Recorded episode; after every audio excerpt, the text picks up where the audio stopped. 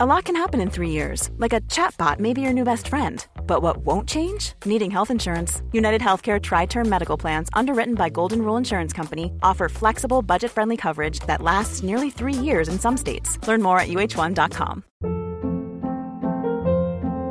Hold up. What was that? Boring. No flavor. That was as bad as those leftovers you ate all week. Kiki Palmer here, and it's time to say hello to something fresh and guilt-free. Hello Fresh. Jazz up dinner with pecan-crusted chicken or garlic butter shrimp scampi. Now that's music to my mouth. Hello Fresh. Let's get this dinner party started. Discover all the delicious possibilities at hellofresh.com.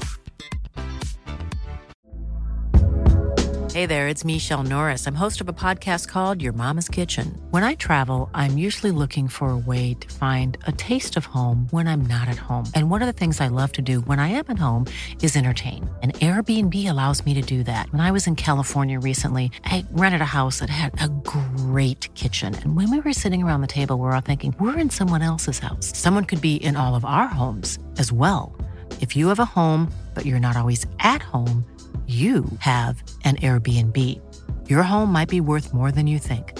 Find out how much at airbnb.com/slash host.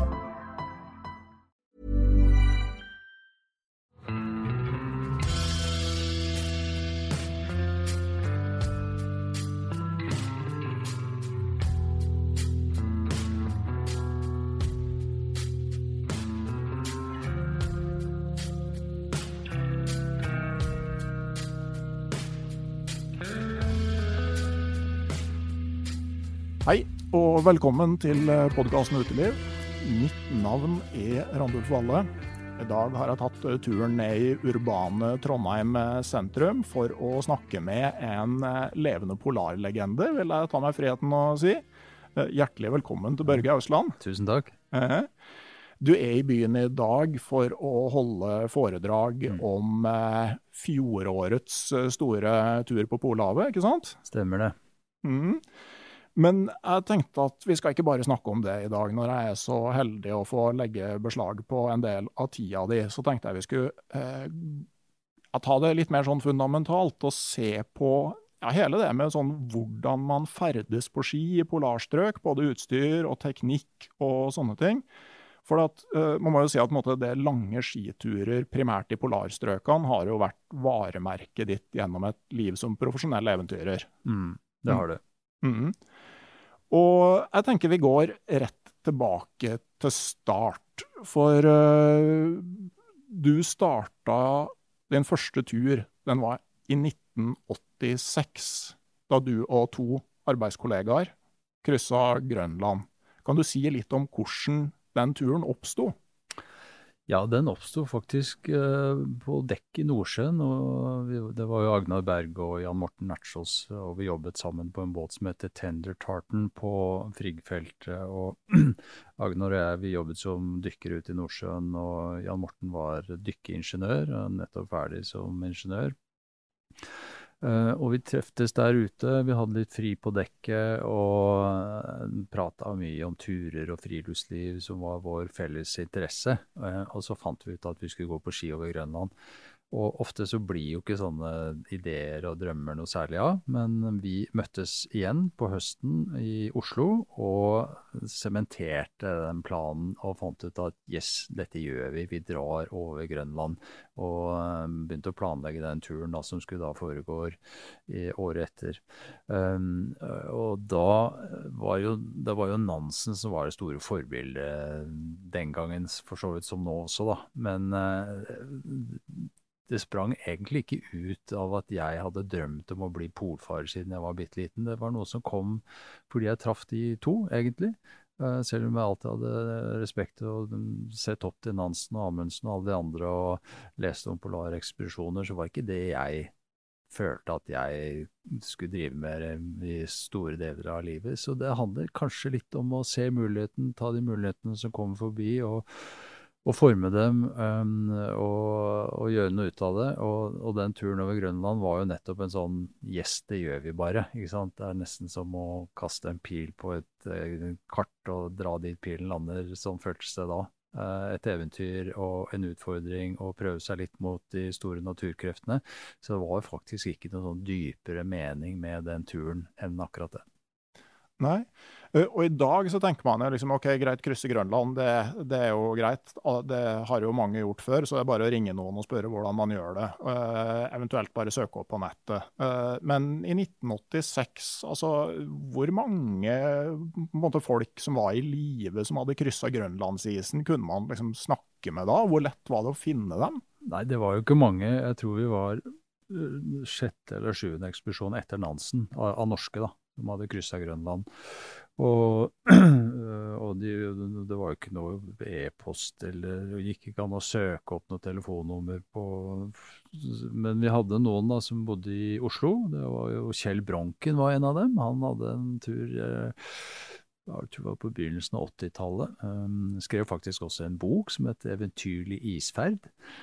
Um, og så var det Carl Emil Pettersen som gikk alene over Grønland. Og så var det Herman Meren og Ralf Høybakk, og også faren til eh, Herman, Martin Meren. Han gikk nemlig over Grønland i, på 30-tallet eh, med en som heter Høygård.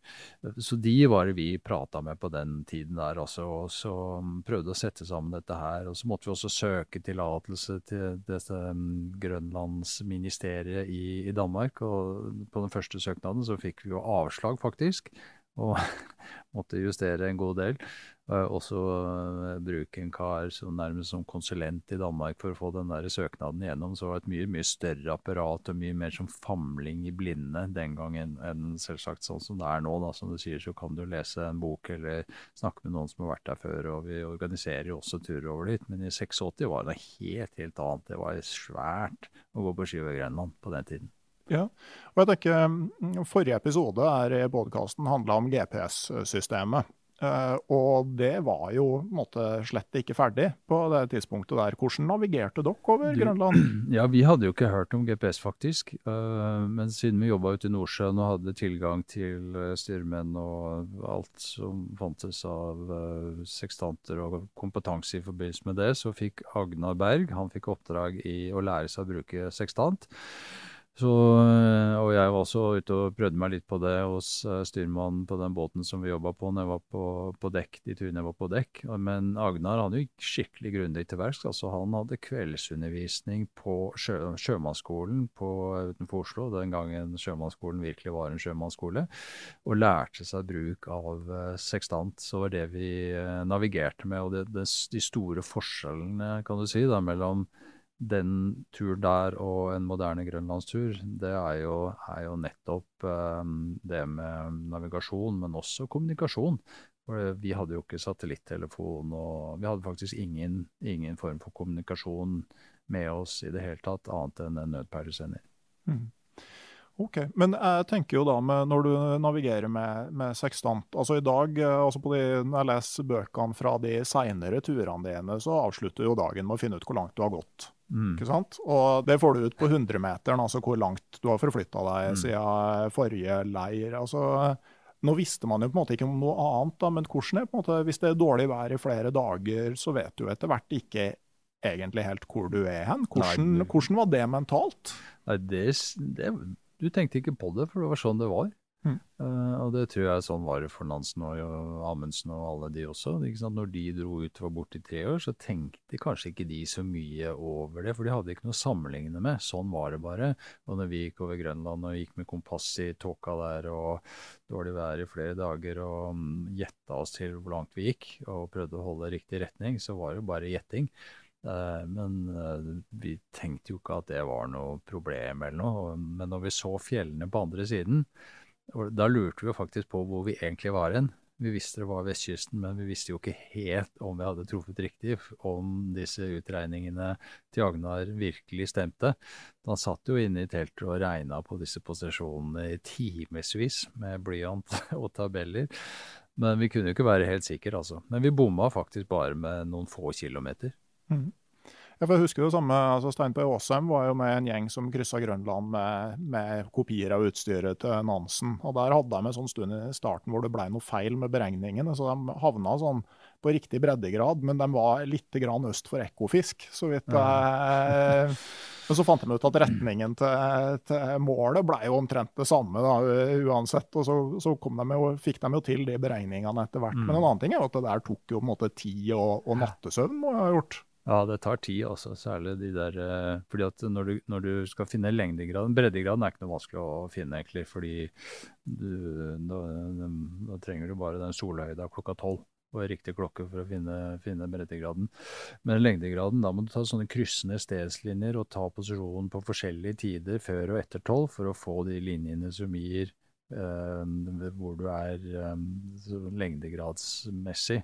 Og det er mye jobb, fordi da må du ta flere posisjoner når du har muligheten til det. Og du kan jo ikke da bare trykke på en knapp. ikke sant? Du må ned på snøen og ha blokka klar og ta riktig tid og så ta, skrive opp dette her. Og så kommer da neste fase, som er inne i teltet og sitte med disse tabellene og så drive og regne på dette her. Så det er en ganske stor Men det hadde jo kalkulator, da, så det hjelper jo litt. Men det er likevel en ganske stor operasjon også sammenlignet med i dag. Mm. Ja. Men, men, spennende, og det som jeg syns er spennende med den turen sånn sett i lys av det jeg har gjort uh, senere, er jo det å ha en fot i den gamle verdenen. Uh, den turen var nok nærmere sånn Nansen, ut, kanskje også utstyrsmessig, enn en, en nåtidens ekspedisjoner. Og det å ha en fot i den gamle verden å gjøre, gjøre, det på, og så da kunne ha beveget meg derfra over til dagens måte å gjøre det på, det har vært en utrolig fascinerende reise. Ja, det har jeg faktisk ikke tenkt på, men det, du har jo et poeng der. Men sånn med utstyret ellers, altså hva ville på en måte en som er vant med, med dagens utstyr, reagert mest på, tror du, av det dere eh, hadde av utstyr? Ja, ehm, jeg vil kanskje si pulken var nok eh, Eller kanskje det litt mer eldre slaget. Reserveskien min, det var min mors gamle treski. Um, primusen var en sånn hjemmelagd eh, kasse med en Optimus 111 oppi, og vi brukte rødsprit og parafin. Uh, og vi hadde bare bomull og ull, stort sett. Jeg hadde faktisk, jo, jeg hadde en sånn tømmerhoggerjakke fra Helle Hansen som var flis. Uh, men så hadde jeg en ullgenser i tillegg, som stort sett var den jeg brukte. Så det var jo stort sett bare naturfiber. Og det lærstøvler, det var kanskje ikke det store sjakktrekket. Uh, og maten skorta det, tror jeg, mest på. at vi hadde for lite mat, og hadde egentlig en helt feil strategi for maten. Vi hadde tenkt som så at ok, eh, maten er tyngst, eh, så det gjelder å spise minst mulig, nærmest, for å spare mest mulig vekt. Og så i starten er, jo, er vi oppoverbakke og tyngst pulker, så da trenger vi sikkert mest mat i starten og minst på slutten. Men det er jo faktisk det motsatte som er tilfellet. Så når vi da kom opp på platået og virkelig begynte å bli sultne. Da skulle vi gå ned i operasjoner. Så det første sjokket, ordentlige sjokket på den turen, det var jo hvor sultne vi egentlig ble. At vi ikke hadde nok mat. Og, og drev fantaserte om restauranter og noe helt Klarte ikke å slutte å tenke på mat. Jeg har blitt vant til etter hvert da, på andre turer òg, men det var første gangen jeg opplevde, opplevde virkelig sult. Og det andre var eh, kulda. Uh, vi var ikke forberedt på 40 minus. Uh, Jan Morten hadde vært i 40 minus før, for han vokste opp på Svalbard. Jeg var ikke forberedt på det. Og de lærstøvlene vi hadde, selv om de var to nummer større og alt sånne ting, vi frøys mye på beina på den turen der. Så det var mye lærdom. Mm. Ja, Uh, og så tenker jeg det her med, sånn, med intern kommunikasjon òg. Altså sånn, dere drev jo med en slags veldig sånn primitiv form for skiseiling, rett og slett med fallskjermer. Og, og det virka ganske dramatisk i dårlig sikt å ha tre mann som seiler litt sånn individuelt uten å ha mulighet til å kontakte hverandre, og uten å ha mulighet til å bestemme noen eksakt posisjon på hvor man er? Ja, der hadde vi også en nestenulykke. Uh, det hadde jeg nesten helt glemt. Da. Men uh, vi seilte av gårde i litt sånn dårlig vær, og vi var jo kine. Og da brukte vi jo noen sånne gamle reserveskjermer, sånne rundkalottskjermer. Og så hadde vi bare sånn sikkerhetsbelte som du har på fly for sånn quick release på den ene sida. Og hvis du slapp den, så ble det jo bare kaos i linene. Uh, så vi prøvde å unngå det. Uh, men så seilte vi av gårde i veldig dårlig sikt og i ganske kraftig vind. Hadde medvind, og vi hadde jo lyst til å prøve å utnytte det.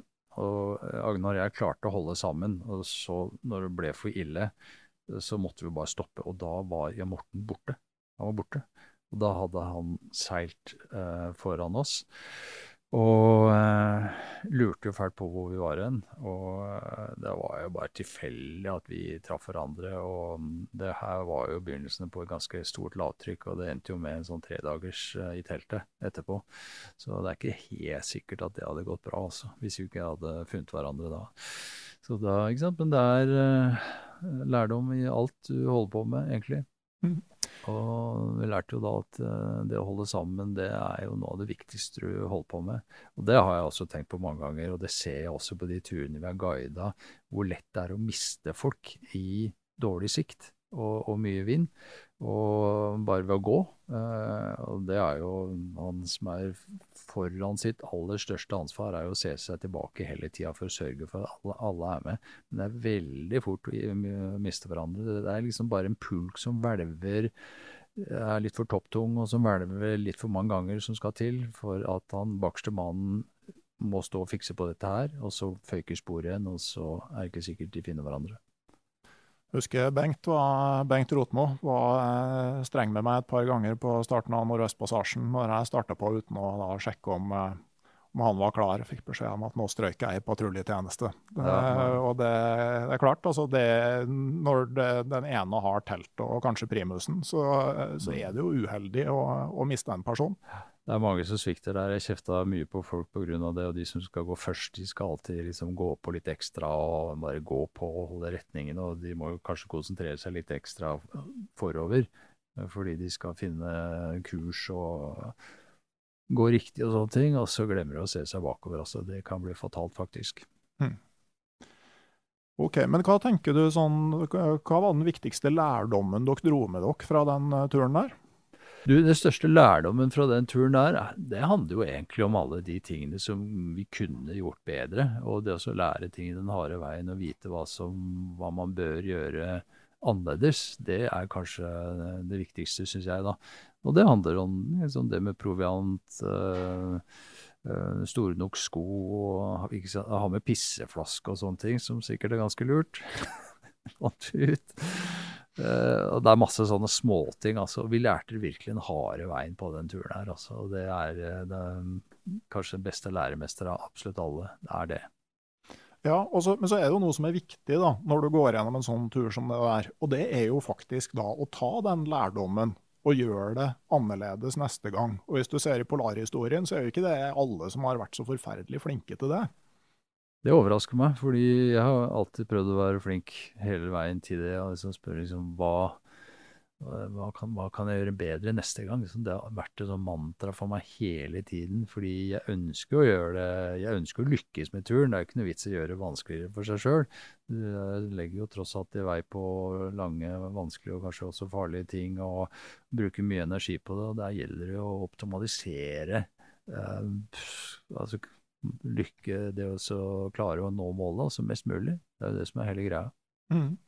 Ja, for Jeg leste ut av eh, flere av bøkene dine og, og for så vidt boka til Erling Kagge fra den turen vi kommer til nå, altså Nordpolturen i 1990. At sånn På utvikling av utstyr og valg av utstyr så hadde dere noen noe, grunnprinsipper at det skulle være så lett som mulig, så funksjonelt som mulig, og at du skulle holde hele turen. Og det der er jo på en måte sånn tre ting du må balansere, som trekker litt hver sine retninger. Mm. Ja, e, egentlig så trenger jo ikke utstyret holde lenger enn turen eh, varer. Men så må du ikke gå i stykker før det heller, da, fordi at da blir det veldig mye ekstrajobb. Og så er det en del sånn kritiske ting som helst ikke det skal skje noen ting med. F.eks. hvis primusen går i stykker, så er, kan jo det bli fatalt. Og hvis eh, to av tre skipar brekker, så er jo det fatalt, det også. Altså, det, for da stopper liksom alt opp. Så du må balansere det der hele veien og finne den der gylne balansegangen. Samtidig så må det ikke være for tungt og for klumpete, og det må være effektivt. Så og mye av det handler om erfaring, rett og slett. og Og erfaring er, snakkes det jo egentlig ikke så mye om. Altså man, uh, man tenker på, på det å klare sånn type tur, men erfaring det er jo noe du har med fra dag én. Det starter jo ikke på Grønland, det starter jo på bunnen av Nordsjøen. Det starter jo i barndommen når du er ute i naturen og kjenner på vær og vind og vet hvor grensene går og klarer å fikse ting som går i stykker. Så erfaring, det er en av grunnlagene og en av pilarene for suksess. Ja, jeg tenker jo sånn den erfaringa som nordsjødykker Altså, jeg ser jo for meg at det er en sånn setting hvor du må tenke veldig nøye gjennom hvert på en måte trekk du skal gjøre. For hvis du gjør noe som er veldig feil, så får du ikke noe på en måte, sjanse til å gå tilbake og prøve en gang til. Altså, men, så den erfaringa, er det på en måte noe sånn tankesett som du tar med deg ut på isen? Ja, det går på egentlig flere nivåer. da. Det ene er jo, er jo at ingenting går helt som planlagt på bunnen av Nordsjøen, så du må være flink til å improvisere og finne løsninger. Det er det ene. Og det andre er at du må være kjapp. Fordi eh, hvis du skal ha, fortsatt ha jobben din, og du vet at det er dine to hender der nede på bunnen av Nordsjøen som sørger for at 60-70 eh, mann på toppen der har lønna si, da, da, får du ikke så mange sjanser til å gjøre feil. Så du må ta riktige valg, og du må være kjapp, og du må få liksom jobben uh, gjort, og gjerne være flink til å improvisere også. Og så er det sånn tredje element. Um, som handler om det med sikkerhet, fordi det var jo mye ulykker uh, som dykker i Nordsjøen på 80-tallet. Uh, eh, og vi visste jo det, at vi som jobba der, at, at ting kunne gå gærent. Og, og, det var jo derfor også et høyt nivå på sikkerheten. Men vi visste det, vi som jobba der, at den eneste du virkelig kunne stole på, det var deg sjøl. Så jeg har alltid sett på sikkerhet som et personlig ansvar, som er litt motsatt av ellers i samfunnet. For her ute i gata her, så går det som regel bra hvis du følger trafikkreglene eh, og skiltinga og sånne ting. Det er noen andre som legger premissene for om dette um, er noen andre som har lagd nettet for deg. Mens eh, i Nordsjøen, og også på Polhavet, så er det ikke noe sånn nett. Du sjøl har ansvaret for sikkerheten. Derfor har jeg alltid sett på det som mm, det å være et lite sånn hestehode foran deg sjøl, sånn at du skjønner hva som skjer før det egentlig skjer, som kanskje noe av det viktigste med å gå solo til Nordpolen og, og være forberedt nok til å kunne håndtere de tinga der. Mm. Ja, Jeg leste jo bl.a. Eh, på en av Nordpolturene dine så skriver du om at det med fokksnø oppå pakkisen er liksom kanskje noe av de verste forholdene. For at altså, råker og sånn, du ser dem ikke før du tråkker uti dem. Og du skriver om hvordan måte, hele dagen går med staven foran deg og kjenner på snøen. Og jeg mm. får liksom litt sånn tanker om nordsjødykkeren eh, der som på en måte skal være liksom ett steg foran og, ha, og, og liksom merke ting før det skjer. da. Mm, ja, da, jeg tror det har veldig mye med det mentale å gjøre. Altså at du har det mindsettet, da. For å bruke det engelske uttrykk. Uh, hvor du uh, uh, er, er er i forkant hele veien, men hvor du også har trent på de tinga som kan gå gærent på forhånd. Sånn at det er en del av forberedelsene. For da går det om å gå inn i en farlig situasjon og gjøre det på en trygg måte. Det er litt som å hoppe ut av et fly i fallskjerm. Du må ha trent på det før du gjør det. Og da kan du gjøre det på en trygg måte. Og, og, vite hvor reserven din er og sånne ting. Og det samme, hvis du går gjennom isen, så må du instinktivt vite hvordan du kommer opp igjen, for du har ikke eh, veldig mange sjanser, kanskje bare to sjanser for å komme opp. Og da må du ha tenkt gjennom de tingene på forhånd, sånn at de ligger i bakhuet, sånn at du veit hvilke verktøy du har for å komme deg opp igjen. Kan du bruke pulken som en brekkstang eller bøye? Og liksom, hva, hva, har du av verktøy å bruke for å klare å komme opp igjen? Altså, det, du kan fint overleve et kvarter i isvannet, men du mister kreftene i armer og bein veldig fort. Så du har bare noen få forsøk. Mm. Jepp. Men tilbake da til Nordpolen, 1990. Um, ehm, hvordan uh, oppsto den turen? Jeg hørte rykter om at det var National Geographic som hadde en artikkel sånn midt på 80-tallet hvor de stilte spørsmål om det faktisk var mulig å gå til Nordpolen uh, liksom kun for mm. egen maskin og ha med seg alt du trengte. Stemmer det. Det var jo på den tiden så var liksom det store bladet man abonnerte på, var jo National Geographic. Da, for da kunne du lese av og til om spennende ekspedisjoner i fjell og jungel og polarområdene, og da sto det en artikkel, og det var uh, Will Steger som hadde gjort en tur, og så var det en kar som het Jean-Louis Etienne, som også hadde gått en tur på Nordpolen. Og så ble det en sånn artikkel med de to uh, gruppene der. Uh, og da var avslutningen vel kan, om noen noensinne vil klare å gå til Nordpolen på ski uten etterforsyninger, vel, kanskje den dagen finnes en gang der i fremtiden. Det var noe sånt noe det avsluttet med. Og den ideen, eh, den setningen der, var det jo mm, to som bet seg fast i. Det ene var meg, som nettopp hadde gått uh, over Grønland. og Det var jo 1986, så vidt jeg husker, den artikkelen kom ut. Og så var det Erling Kagge og Geir Andby som gikk på jussen. og jeg kjente jo ikke noen av de på den tiden. Men så skulle jeg holde et foredrag på Landbrukshøgskolen på Ås. Og så hadde jeg litt dårlig tid, for jeg hadde en gammel Ford Taunus som ikke alltid starta og sånt. Så, men eh, jeg kom nå bort uh, til Ås, og så på vei inn døra til uh, denne landbrukshøgskolen, så spør jeg en kar som kommer i døra mot meg og skal ut, om hvor uh, dette foredragssalen er, om han vet hvor den er. Ja, da visste han at det var opp der. Så spør han om, om det er jeg som skal holde foredrag om Grønland. Og det var faktisk mitt aller første foredrag noensinne. uh, ja, det var meg. Og, det hadde han lyst til å høre på. Og det var Geir Amby hm. som kom ut av den døra. Og så hørte vi på foredraget, så begynte vi å prate etterpå, og så fikk vi jo da greie på liksom what's next, og at jeg hadde tenkt å prøve å få til en tur til Nordpolen, og han hadde begynt å planlegge dette allerede og hadde fått med seg en kar som het Erling Kagge. Så var det litt sånn frem og tilbake, eh, men det endte med at eh, vi bestemte oss for å um, samle krefter og bli tre og gjøre dette her som en ekspedisjon. Så det var faktisk eh, sånn det skjedde. Mm.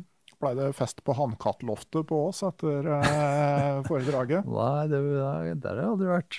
Det høres ut som du har vært der. ja, vært der. Det, det er et sånt sted det var veldig artig å være på fest. Det var, det var folk som hadde hybel rundt et slags kjøkken eller stue, men det var jo omtrent som å bo i et nachspiel-lokale. Jeg likte navnet. ja, det, var visst litt sånn prestisje å få lov å, få lov å bo der, da. Eh, foreningen Hannkatten var ærverdige greier. Um, jeg var turnémanager for et britisk anarkistisk popband. Uh, okay. Spilte du, eller? Nei, nei, jeg spilte ikke. Jeg, var, var turnémanager. Ah. Så det, var, det, var, beinhardt nok, det. var det Sex Pistols? Nei, det var, det var faktisk Shumbawamba som fikk den der ene one hit wonderen. og mistet, Først så fikk de en haug med nye fans som ramla av etter den singelen, og så mista de alle de gamle fansa okay. fordi de hadde blitt kommersielle. Så ja, sånn er livet. Sånn er livet. Eh, det var en digresjon. Men, eh, men, jeg tenker da eh, Hvor viktig var grønlandsturen din for planleggingen av Nordpolturen? Nei, Det var jo kjempeviktig. Um, for det første så ville jo ikke jeg mm, komme på den ideen i det hele tatt hvis jeg ikke hadde hatt Grønland i bakgård. Jeg likte jo Grønland. Jeg likte den turen, selv om det var hardt og alt mulig rart. Så jeg følte at dette her, fader, dette var spennende, dette likte jeg, dette kunne jeg gjøre mer av følte jeg når vi kom hjem fra Grønland. Og Nordpolen syntes jeg var så fascinerende. Eh, så uten Grønland så ville ikke jeg komme på tanken engang, tror jeg, å gå på ski til Nordpolen. Så det var veldig viktig. Men også sånn erfaringsmessig, og den ballasten vi hadde fra Grønland var jo altså Erling og Geir hadde jo ikke noe erfaring, eh, på det nivået i hvert fall, annet enn å gå på ski i Nordmarka. Så, så, det var nok viktig også for dem å ha med en som hadde litt, uh, litt mer kjøtt på beinet når det gjaldt det med utstyr, og visste hva som funka og ikke funka. Så, så, det var viktig med Grønland. Mm. En ting jeg beit meg merke at dere endra radikalt på, var jo fottøyet. Ja, det skjønte jeg at det måtte, måtte vi gjøre noe. Så, så, det ble jo eh, Og det, det, fungerte kjempebra, det vi hadde, selv om det nå virker jo veldig sånn old school, kan man si, det vi hadde med. For jeg gikk jo med sånne elgskinnskamikker som vi fikk sydd hos noen indianere i um, Alaska, var det vel. Uh, og Erling gikk jo med selskinnskamikker som det var noen inuittdamer som tygde på, um, på i Frobisher Bay. Uh, så det var liksom det fottøyet vi hadde. Men det, og så hadde vi kartanker. Uh, og da, jeg tror det var Stein P. Aasheim som satt meg i forbindelse med um, en som heter Harjo. i um, Karasjokka, var det vel? Eller var det Kautokeino? Husker jeg faktisk ikke. Men uh, som, som, sydde, som, sydde, disse um, kartankene, disse ullkartankene til, til, oss som vi hadde med. Og de var jo vanvittig deilige å varme. Og det er jo et system jeg bruker fremdeles, ullkartanker. Så det er helt eh, supre greier, rett og slett. Eh, så det oppi selskinnskamikker og elgskinns eh, Sånne muklux heter det. Uh, og da oppi der en sånn der kalosjebinding, akkurat som unger bruker i barnehagen, var det vi fikk montert på skiene. Og det, ble veld, det er veldig sånn vinglete å gå med, men det, vi holdt varmen med det, og det fungerte kjempebra. Så det er mange veier til målet, men det viktigste på en sånn ekspedisjon er jo å være varm på beina. Mm. Det kan velte hele lasset. Ja, og så er det som du er inne på sjøl òg en del ganger, at altså, sånn, ok, du kan jo ha veldig bra fottøy, men så er jo samtidig føttene det første kroppen begynner å nedprioritere hvis resten av kroppen fryser. sånn at det er jo altså, det finner den der balansen på hvor mye du skal ha på, sånn at du har varme til føttene samtidig som du ikke blir for svett. Det må jo være en, ja. en ja da, men hvis du finner balansen sånn på kroppen når nok på beina, så, så, går det fint. Men det er aldri et problem at du er for varm på beina. Det er nesten aldri et problem i disse områdene her. Mm. Rett og slett. Så det å ha nok isolasjon på beina er bare så utrolig viktig. Og et mm. system for det som gjør at det er nok plass til tær og isolert godt nok fra undersiden og sånne ting. Mm. Men uh, i dag er det jo på en måte på sånne turer en selvfølge at du bruker dampsperre. At du uh, har en, egentlig en tett plastikkpose utafor den innerste sokken. Brukte dere det på den turen her? Vi brukte det, men eh, vi brukte ikke en dampsperre som funka egentlig. Fordi den var ikke en sånn type av plastpose. Den var en, et vevd stoff, og den lakk jo damp. Uh, så vi måtte jo tørke kartanker i teltet hver eneste kveld. Det måtte vi på den tiden. Ja, så det er noe som har blitt utvikla videre? Mm, det er en videreutvikling, ja. Derfor har jeg lest at sånn, Selv når det er veldig kaldt, altså, så så svetter du i hvert fall 5 gram i timen per fot. og liksom, Hvis du jobber ja. hardt, så kan du svette opp til 20 gram i timen sjøl i sprengkulda. Hvis du begynner å regne på det der over en mm. hel dag, ikke sant? det er jo fort to desiliter med vann i eh, hver sko. Hvis du ser for deg et litermål med to desiliter vann som du skal tømme ned i fottøyet før du skal ut ja. i 40 kuldegrader, det er ikke noe veldig lystelig. Nei, da, hvis ikke du har tenkt på det og har en måte å håndtere det på, så blir det fort kaldt nedi der. altså for vann leder jo varme sinnssykt. Og, så, men heldigvis så, så, flytter jo denne fuktigheten seg til det kaldeste punktet og kondenserer der. da, og Det er som regel ute i tuppen. Uh, så det er som regel tuppen som blir fuktig i disse kartankene. Uh, og så uh, Mye av det blir jo faktisk også til is, og da gjelder det å ha en god jernskje eller en metallskje som man kan skrape ut isen av skoa med. Hvis ikke, men hvis ikke du gjør det hver kveld, så bare akkumulerer det seg, og så blir det mer og mer. Og, og det fikk vi virkelig merke i soveposen. Vi skal vel ut i hvert fall to kilo is i soveposen hver når vi kom litt uti der, og dette begynte å bli bare verre og verre. Og vi kjente jo disse klumpene av is nederst i soveposen. Og fuktigheten vandrer jo da som sagt til det kaldeste stedet, og det er nederst der nede. Og så, kom, så fryser det til is der. Så vi måtte jo åpne soveposen og skjære ut svære isklumper av, av soveposen uh, ut på, det, på turen der. Mens nå bruker vi jo mye dampsperre i, også i soveposen, nettopp for å forhindre det, og det funker veldig bra. Mm. Ja, det er jo sånn som intuitivt uh, høres ubehagelig ut, men som er, altså, når det er så kaldt at du trenger det, så er det egentlig altså, så er det ikke spesielt ubehagelig i det hele tatt. Dampsperre? Nei, for alternativet er så mye verre. Ja. Men sånn uh, ellers Men det er ubehagelig. Mm. Uh, du er jo klam når du ligger inne i en sånn dampsekk i uh, ukevis. Men også det blir utrolig nok en vane. Og det er faktisk varmere enn uten, for du skaper jo dette helt sånn derre tette uh, kokongen rundt uh, kroppen. Så, så, det, så det, det, som er ille med, med, det, er jo selvfølgelig den der følelsen av å være fuktig, og når du står opp og er fuktig og skal ut i kulda. Det er ille med det. Mm. Virkelig ille.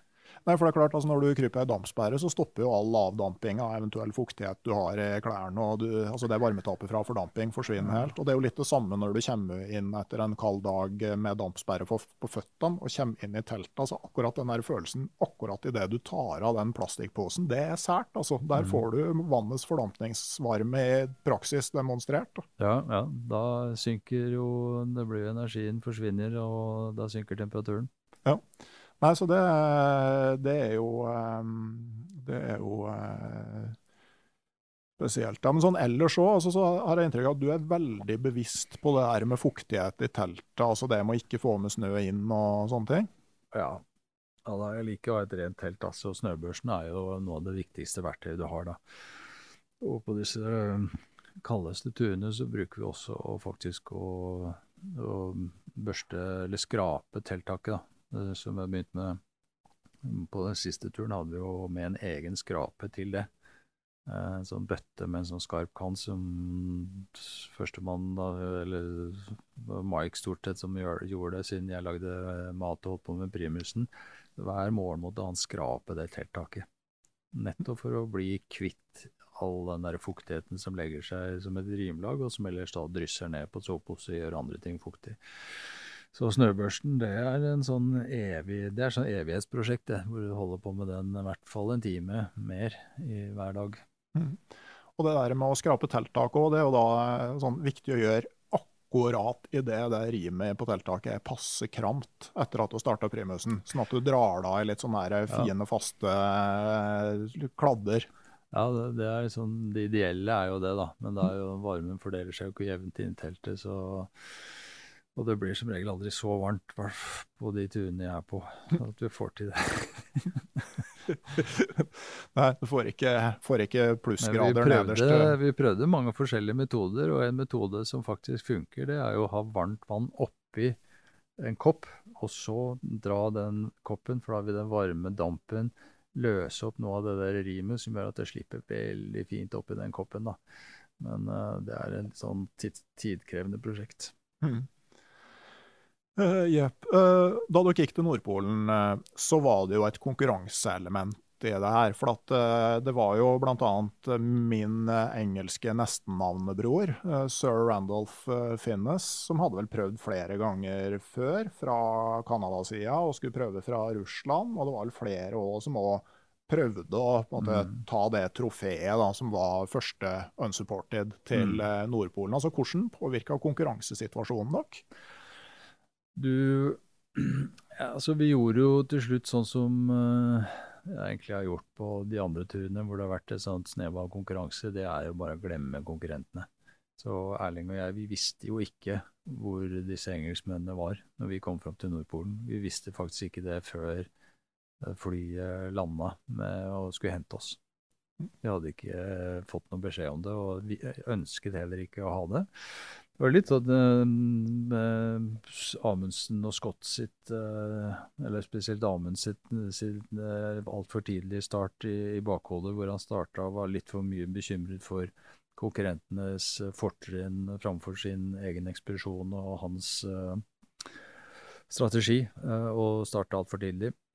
og så, ikke sant, Hvis du begynner å du kan ta feil valg hvis du driver og Du må først og fremst konsentrere deg om deg sjøl og, og, gjøre det du gjør, best mulig. og Det blir som forstyrrende element å tenke på konkurrenter. og Det samme gjorde jeg i Antarktis. når han det var, Jo, Fines var det vel, og så var det en koreaner og litt forskjellig.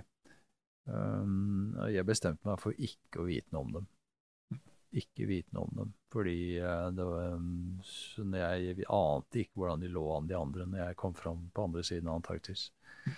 Uh, for jeg syns det er altfor mye styr, og det blir for mye å tenke på. Det tar fokuset vekk. Ja, og så, og så ser jeg ut fra det du skriver, og at det er jo på en måte når du pusher daglengdene og dagøktene, at både sjansen for måte, akutte ulykker, men òg for så vidt for, for belastningsskader og sånn òg, hvis, hvis, du blir liksom for opptatt av å pushe. Mm. Ja, uten tvil.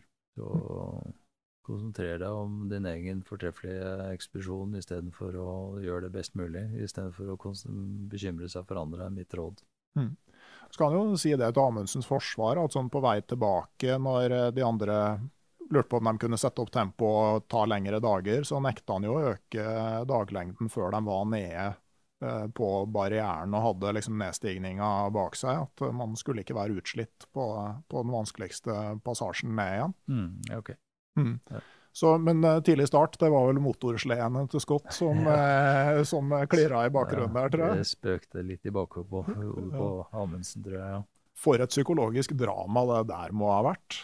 Det, Absolutt. Mm. Det gikk jo ikke så bra for gode, gamle Johansen, men nei, det, det, er jo det er jo en trist, uh, trist historie med, Mm. med mange sider. mm, absolutt. Vi ble aldri ferdig med det dramaet der, tror jeg. Nei, altså det, det er jo på en måte et sånn klassisk eh, altså I den spenninga mellom, eh, mellom Nansen og Amundsen eh, At Amundsen får med en person han kanskje egentlig ikke ville ha der, og eh, liksom eh, Ja. Mm. ja, han var jo ikke akkurat sånn selvvalgt. Det kom vel eh, som på kjøpet mot, å låne fram. Ja. Eh, Nei, det, det er en skjebne, definitivt. Eh, Men eh, du og Erling kom jo fram til Nordpolen. Ja, det, det jeg tenkte at eh, eh, kanskje en nøkkel til suksessen der. Altså, for én ting er jo på en måte å være innovativ på utstyr, men man må jo få testa det så man vet at det virker. Og før Mm. den turen her så lå jo dere nærmere en måned i Iqaluit på, på Baffin Island og testa utstyret som skulle brukes til Mm. Nordpolen før dere starta. Den er ganske sånn spesiell sett i forhold til dagens uh, opplegg. da. Ja, det, men det er helt riktig at uten den erfaringen vi fikk oss der, ville vi jo ikke ha- egentlig hatt sjans. For mye av de tingene, selv om jeg hadde gått over Grønland og sånn, så er jo skruisen og Det er sånn helt annen setting eh, med, med Polhavet og skruis og alt det du møter der oppe, enn en Grønland er. Så vi hadde jo med ja, nesten et tonn med utstyr vi, til uh, Iqaluit, da, som ligger på Baffin Island. Og grunnen til at vi valgte Iqaluit, vi hadde gjort litt sånn research på det på forhånd. Uh, mange som drar til et sted som heter Resolute Bay og driver og trener der, men der er det ikke noe skruis. Der er det flat, fin fjordis. Og vi visste at skruis, det knekker utstyr, og det er der liksom slaget står. Klarer du skruisen, så er det andre relativt greit. Altså gå på ski på flata, det kan alle gjøre. Med skruis og for så vidt også råker, det er der eh, det, er der det ligger. Mens i, i Kalowitz er det såpass stor tidevannsforskjell og en del sånne grunne sund at det bare pakker seg med skruis i enkelte av disse stedene her. Eh, Så da leide vi et hus. Dro dit med masse utstyr, eh, sånn, nesten sånn dobbelt opp på alt, rett, rett og slett. da. Og var ute i skruisen der og prøvde forskjellige ting. Og forkasta og tok inn og testa ut og holdt sånt holdt vi på, helt til vi satt igjen med noe som vi visste vi eh, som kunne holde turen. Og det å liksom ha vært eh, noen uker i kulda og i eh, elementene før du faktisk starter òg, ser jeg for meg eh, Mentalt sett så er det en kjempefordel, fordi kroppen blir faktisk vant til kulda etter et par uker. Så blir kroppen, eh, og fingeren ikke minst, så det skjer en sånn fysiologisk endring i kroppen som innstiller seg på at ok, sånn er det, altså nå må vi bare beskytte kroppen og få dette til å fungere best mulig. Så, så, og det tar et par uker, den der prosessen der. Så den Caloit-seansen var, var kjempe, kjempeviktig også på alle mulige måter. Utstyr, kroppen, mentalt. Ja, så ellers hadde vi ikke klart det, tror jeg. Mm. OK. Nei, men, eh, men dere, eh, dere kom jo fram og, eh, og fullførte turen. Kom til Mm. Nordpolen. Og da gikk det ikke så veldig lenge før du da bestemte deg for at du skulle prøve å gå til Nordpolen alene. Mm. Det er jo på en måte en naturlig progresjon, kanskje, men samtidig så må det jo være noe helt annet. Ja.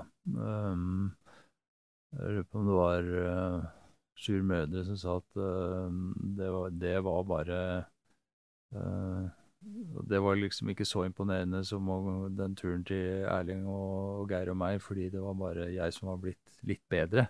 Uh, men jeg så ikke på det på den måten, fordi det er et enormt sprang å, gå fra å alltid ha noen å lene deg mot, og, en turkompis, og som også sikkerhetsmessig, ikke sant, til å stå der helt much aleine og skal gå 1000 km på drivis. Det er et enormt sprang. Så, så, det er jo også da, kanskje en av de vanskeligste turene jeg har gjort. Um, men også en av de turene jeg, som jeg er mest fornøyd med, fordi det var så mye jeg måtte overvinne på, på den ekspedisjonen der. Bare det å legge vei på noe sånt noe. Det var eh, så helt hinsides. Det er noe av det verste jeg har vært med på. Det var når jeg sto utafor Kapartisjeski og så det helikopteret forlot oss. Og så hadde jo isen da drevet ut fra land. Eh, så det var jo to kilometer med vann mellom meg og denne drivisen utpå der, og jeg skjønte ikke åssen dette her skulle gå. Eh, og når jeg begynte å gå på ski, jeg måtte gjøre noe, så jeg gikk østover, da. Jeg gikk langs iskanten bare østover for å gjøre noe. Og det første jeg ser, er jo snuten på en sel som er liksom bare eh, tatt og en isbjørn som har bare tatt og gru, grusa den utover den der iskoss og blod overalt. Og, og så var det jeg som la ut på min første solotur. Og jeg hadde aldri ligget aleine i telt før når jeg starta på den turen her. Så det var et sjokk, altså, rett og slett, eh, for, eh, for kroppen. Uh, og det varte en stund, altså, det, det, sjokket. Men så gikk jeg to dager langs den iskanten. Også den tredje dagen og det var jo ikke sånn at jeg hadde jo, jeg hadde jo ikke noe radio, jeg hadde HF-radio og ikke fikk radiokontakt eller noen ting. Så, så jeg ante ikke åssen Jeg hadde ikke noe satellittinformasjon sånn som man har nå. Men plutselig, da, så dag tre, så Når jeg våkner opp dag tre, så har uh, været snudd, og så har iskanten da kommet drevende inn mot land, mot den der kanten jeg lå ved, og jeg kunne bare spasere ut på iskanten. Så var det selvfølgelig veldig mye skruis et par kilometer, men kom meg gjennom de, det, det, beltet der, så var jeg ute på litt tryggere drivhus. Og fra da av så gikk det bare bedre og bedre. Hm. Det høres veldig spesielt ut å ha sin første aleneovernatting i telt eh, akkurat eh, der. Men altså, hva er det man altså, hva er det man griper tak i for ikke at det skal bli for mye, sånn mentalt? Jeg tror nok det har mye å, å si og um, uh, ikke um, på en måte i hvert fall gir et litt sånn ærlig forsøk, da. Uh, kanskje ikke i går, men jeg måtte i hvert fall skyldte alle med å prøve. Um, og jeg hadde nå en gang satt meg det målet og fortalt til alle at jeg skulle til Nordpolen, så jeg kunne liksom gi meg på dag én. Jeg fikk i hvert fall prøve en uke. sånn tenkte jeg. Um, og så, etter hvert, så det var en annen sånn erkjennelse som jeg kom fram til. Um, og det var jo um, Jeg hadde en sånn oppsummering inn teltet. Det tvang seg egentlig sånn fram. Liksom, hva gjør jeg nå? Ikke sant? Og dette her føler jeg at det er altfor mye for meg, og nå har jeg gapt over litt for mye. Uh, men så begynte jeg, og da skrev jeg faktisk fysisk opp i dagboka mi hva som var problemet på den ene siden. Ok, Jeg hadde hjemlengsel, jeg um, jeg syntes dette her var kjempeskummelt og følte at uh, dette var langt over det jeg hadde erfaring til å håndtere.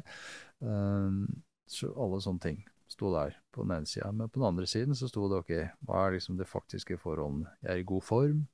Um, jeg har erfaring. Jeg hadde vært på Nordpolen før var kjempe eh, godt trent og hadde gått gjennom alt utstyret, så jeg visste liksom at utstyret holdt. Og ingenting av det utstyret jeg hadde med, var jo godtestykker. Alt funka. Og så hadde jeg jo mat for to måneder, så ingenting hadde jo egentlig skjedd som tilsa at dette ikke skulle gå. Det var liksom svaret på den andre siden. Eh, og da ble det jo ganske klart for meg at ok, um, det er ikke beinet som er brekt. Uh, og på en måte så spiller det ikke noen rolle uh, hvor du er. Det, det, som spiller noen rolle, er hvor du er når du er tom for mat.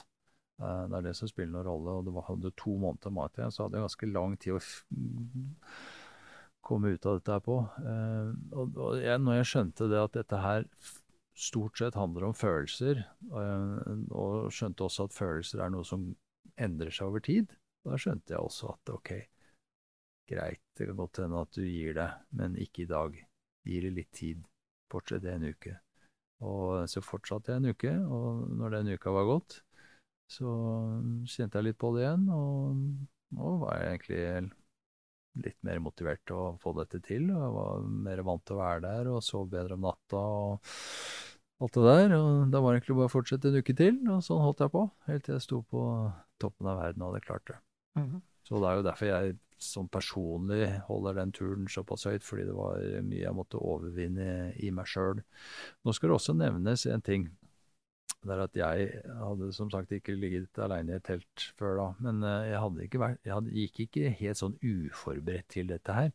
Jeg tok nemlig kontakt med en idrettspsykolog som heter Leif Roar Falkum, som har vært norgesmester i høydehopp og stor idrettsmann i, i sin tid. Og hadde samtale med han da for liksom øh, prøve å få liksom oppskriften på hvordan jeg skulle klare å håndtere dette her aleine såpass lenge under så krevende forhold. Og jeg ble nesten litt sånn irritert på han de første gangene, for jeg hadde forventet at han skulle si ja, Børge, du må gjøre sånn og sånn og sånn og sånn. Ikke sant? Det hadde jeg forventa. Men han bare spurte litt og ba meg fortelle litt og sånne ting. Sånn som kanskje psykologer uh, gjør. Men uh, det som var hele greia med det, som jeg også da skjønte etter hvert, uh, som dette her skred frem, det var at de svarene som jeg trengte på den turen, de måtte jeg finne. Det var ikke noe svar han kunne gi meg, jeg måtte finne de i meg sjøl. Og det ved å snakke om forskjellige ting som handlet om meg, det handlet rett og slett om å prøve å kjenne meg best mulig. Hele meg. Og som også igjen handler om alle sider av seg sjøl, ikke bare de positive sidene, for alle elsker jo å være på toppen og klare ting og mestre og sånne ting. Men så er det også de der litt negative tingene, da, som det å være liten og føle seg mislykkes og hjemlengsel og redd for å være aleine. Alle sånne litt negative ting, de skyver vi bort. Men ved å også tatt litt på de tingene på forhånd og kjent på de på forhånd, da har du også, tror jeg, en større erkjennelse eller mulighet til å, å akseptere dem og håndtere dem underveis. For du møter deg sjøl i døra på en sånn ekspedisjon, enten du vil eller ikke. Og ingen klarer å ha en god dag hele tida. Man må liksom akseptere at man av og til føler seg helt eh, bitte liten. Eh, men ha kjent også på de litt negative følelsene, så kan man si til seg sjøl OK, i dag har jeg det sånn, det er greit. Det er en realitet, men ting endrer seg hvis du gir det litt tid. Mm. Hva er det de sier? Du trenger ikke nødvendigvis å tro at det skal gå, du må bare fortsette? Du må tro at det skal gå et eller annet sted innerst inne, og der kommer jo den planleggingsbiten inn, uh, som handler nettopp om det uh, med å definere målet for deg sjøl. Og det er veldig viktig, en veldig viktig del av planleggingsprosessen, kanskje det aller, aller viktigste. Fordi når du sitter hjemme i en tørt og varmt, varme omgivelser, så har du full kontroll over spillet eh, på brettet. Eh, og alle for og imot eh, tingene. og det å bli ferdig med de på forhånd, slik at du vet hvor du skal, har alltid vært veldig, veldig viktig for meg. Fordi da veit jeg hvorfor jeg skal til det målet. Jeg er ferdig med det. Jeg har vært gjennom alle, all den tvilen der, og jeg har bestemt meg for å dra. Og den beslutningen er vel fundamentert. Um, og selv om jeg da kan ha den dårlige dagen underveis, så vet jeg likevel at i bakhuet mitt så er det sånn fyrlys som står og lyser, og det er målet der. Og så kan jeg godt vingle litt og føle at alt er håpløst underveis og miste motivasjonen en dag og sånne ting, men jeg vet likevel uh, hvor jeg skal og har likevel troa på at eh, det skal gå innerst inne. Mm. Men jeg vingler litt underveis, det må jeg innrømme. Ja. det skulle jo for så vidt bare mangle på en uh, sånn tur. Er, jeg kan jo ikke tenke meg så mange plasser på kloden hvor du vil føre, føle deg mer aleine når du er aleine enn på Polhavet. Nei, det er helt sinnssykt sted, rett og slett. Mm. Ja. Um, men sånn når det gjelder utstyr og på en måte den biten, var det stor forskjell på, eh, på 90 og 94? Um, nei, egentlig så var det ikke store forskjellen på 90 og 94 når det gjaldt utstyret. Uh, det var nesten klin likt, uh, faktisk. Bare litt Altså skoene var annerledes. Så hadde jeg HF-radio. I 1990 hadde vi jo bare VHF, faktisk. Altså Vi skulle snakke om disse SAS-flyene som fløy over fra uh, Oslo eller København eller hvor de kom fra, til Japan. For de tok den der, de kunne ikke fly over Sibir eh, på den tiden pga. Sovjetunionen og sånn, så de måtte fly over Nordpolen. Uh, skulle til Japan, tror jeg. Uh, og, og, da hadde vi, hadde vi funnet, hadde en sånn der plan med SAS, og visste sånn cirka når de fløy over, da. Men vi hadde faktisk bare kontakt med de to ganger på hele turen. For den VHF-en den når jo ikke veldig langt da. Mens, så nå på den siste turen, eh, ikke siste, men på 1994, da hadde jeg med HF-radio. Eh, som eh, jeg kunne da brettet en lang antenne, og til faste tidspunkt så kunne vi, hadde jeg avtalt eh, tider med Mathias Bjerang, som satt på eh, Longyearbyen og som jeg da kunne ha kontakt med. Men de første to ukene var det vel, så hadde jeg ikke kontakt med han pga. atmosfæriske forhold. Så det var først etter da, etter et par uker, at jeg fikk kontakt med han. Men når vi fikk da justert inn frekvensene, så funka det. Mm. Så, så, det var forskjellen. Men ellers så var det vel ikke store forskjellen på de, eh, de, de to turene der. De, de, store forskjellene kom egentlig seinere, med satellittelefon, svømmedrakter, sånne type ting. Mm. Og etter den eh, Nordpolturen i 94, så vendte du øyene øynene sørover. Da måtte jeg ha en liten Nordpolpause, og da dro jeg til Sørpolen. Mm. I to omganger. Først i 95. og da, eh, Målet mitt var jo hele tiden å krysse Antarktis. For det var jo sånne store Jeg liker, jeg syns det er spennende å gjøre ting som ingen har gjort før. Alle syns det er gøy å mestre. og skape litt historie. Så jeg hadde jo lyst til å bli den første til å krysse Antarktis alene og uten nettforsyninger. Så det var målet i 1995, men da gikk det ikke helt så bra. Så da, da fikk jeg noen frostskader og måtte avbryte turen på Sydpolen. Men så dro jeg tilbake i 96, og da klarte jeg å gjennomføre det. Mm. Hvordan er på en måte forskjellen altså, Hva er de store forskjellene mellom Polhavet og Antarktis, sånn eh, med tilnærming og utstyr og sånne ting? Uh, tilnærmingen er nok det samme, og den uh, har jeg jo lært meg etter hvert handler om å først og fremst å prøve å isolere hva er de største problemene jeg står overfor her nå. Uh, og hvis du klarer å gjøre det, da veit du også at det finnes løsninger. Så må du bare prøve å være flink nok og finne beste løsninger.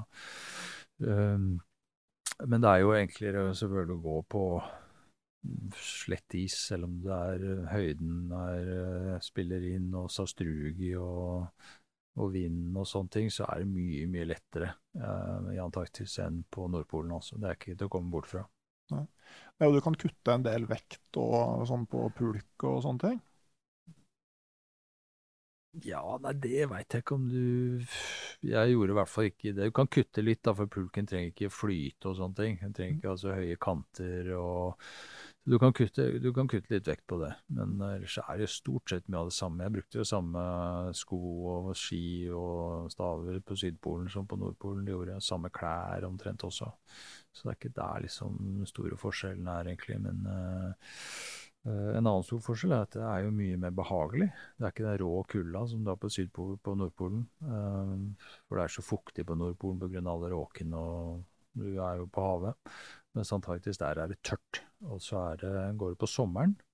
Det starter gjerne i november, uh, som er da våren der nede. Begynner å nærme seg sommer.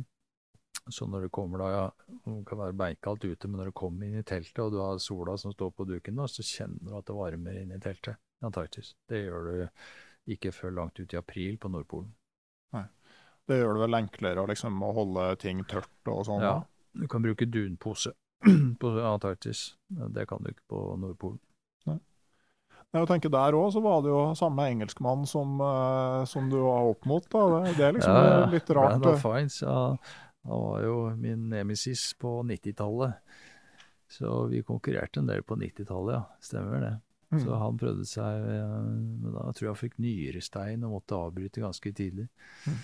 Jeg tenker jo Det må ha vært en uh, verre, på en måte, rekke, sånn, en verre rekke å svelge for han enn for deg. da. Det var jo stort sett han som endte med å måtte bite i det sure eplet. Ja, heldigvis. Uh, Men eh, jeg har liksom tenkt litt der, altså både i Nordpolboka som Erling Kagge skriver, og i Antarktisboka som du skriver, så, så nevner dere jo Randolph Fiends. og at Han er jo bomsterk og tøff, liksom. Ja, men at, absolutt. men at dere måte reagerer på at han, altså, utstyret er tungt og klumpete, og det samme som han har brukt før. at, at Mm. det liksom eh, måtte gå litt på på samme vis for å se om det går bedre den gangen her uten å endre noe. Ja, det overrasker meg. I Antarktis så var vi jo en del sammen også, fordi vi lå jo lenge i Punta Arenas og tilbrakte tid sammen, så jeg så jo det utstyret han hadde med. Og det var jo Det overraska meg faktisk. Eh, og han, han, eh, han eh, setter ikke sammen utstyret sjøl, og det er den store forskjellen da, mellom Erling og meg og andre, kanskje nordmenn også, som virkelig går inn i dybden og bruker veldig mye tid på det, så får han andre til ja, du fikser telt til meg, og han fikser slede, og ikke sant, så ting er liksom tatt litt herfra og derfra, så putta sammen, og så drar han.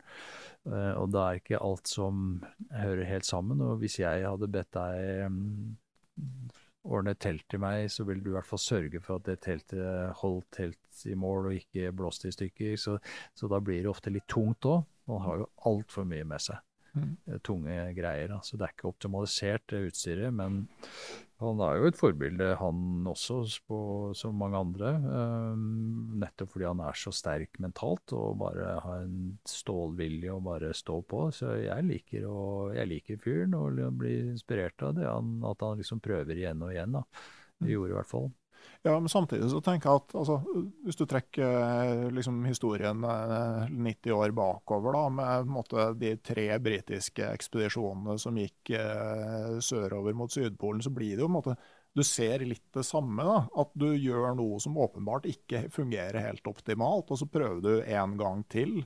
Omtrent på samme vis, og så prøver du en tredje gang uten da heller å justere noe særlig. Eh, altså, du satser bare hardere, og til slutt så går det gærent. Ja, det er lett å trekke de parallellene, egentlig, så det har vi jo tenkt litt på også. Så, og det overrasker meg. Det er vel egentlig bare én engelskmann Eller nå er det jo blitt eh, flere som har begynt å lære av nordmennene.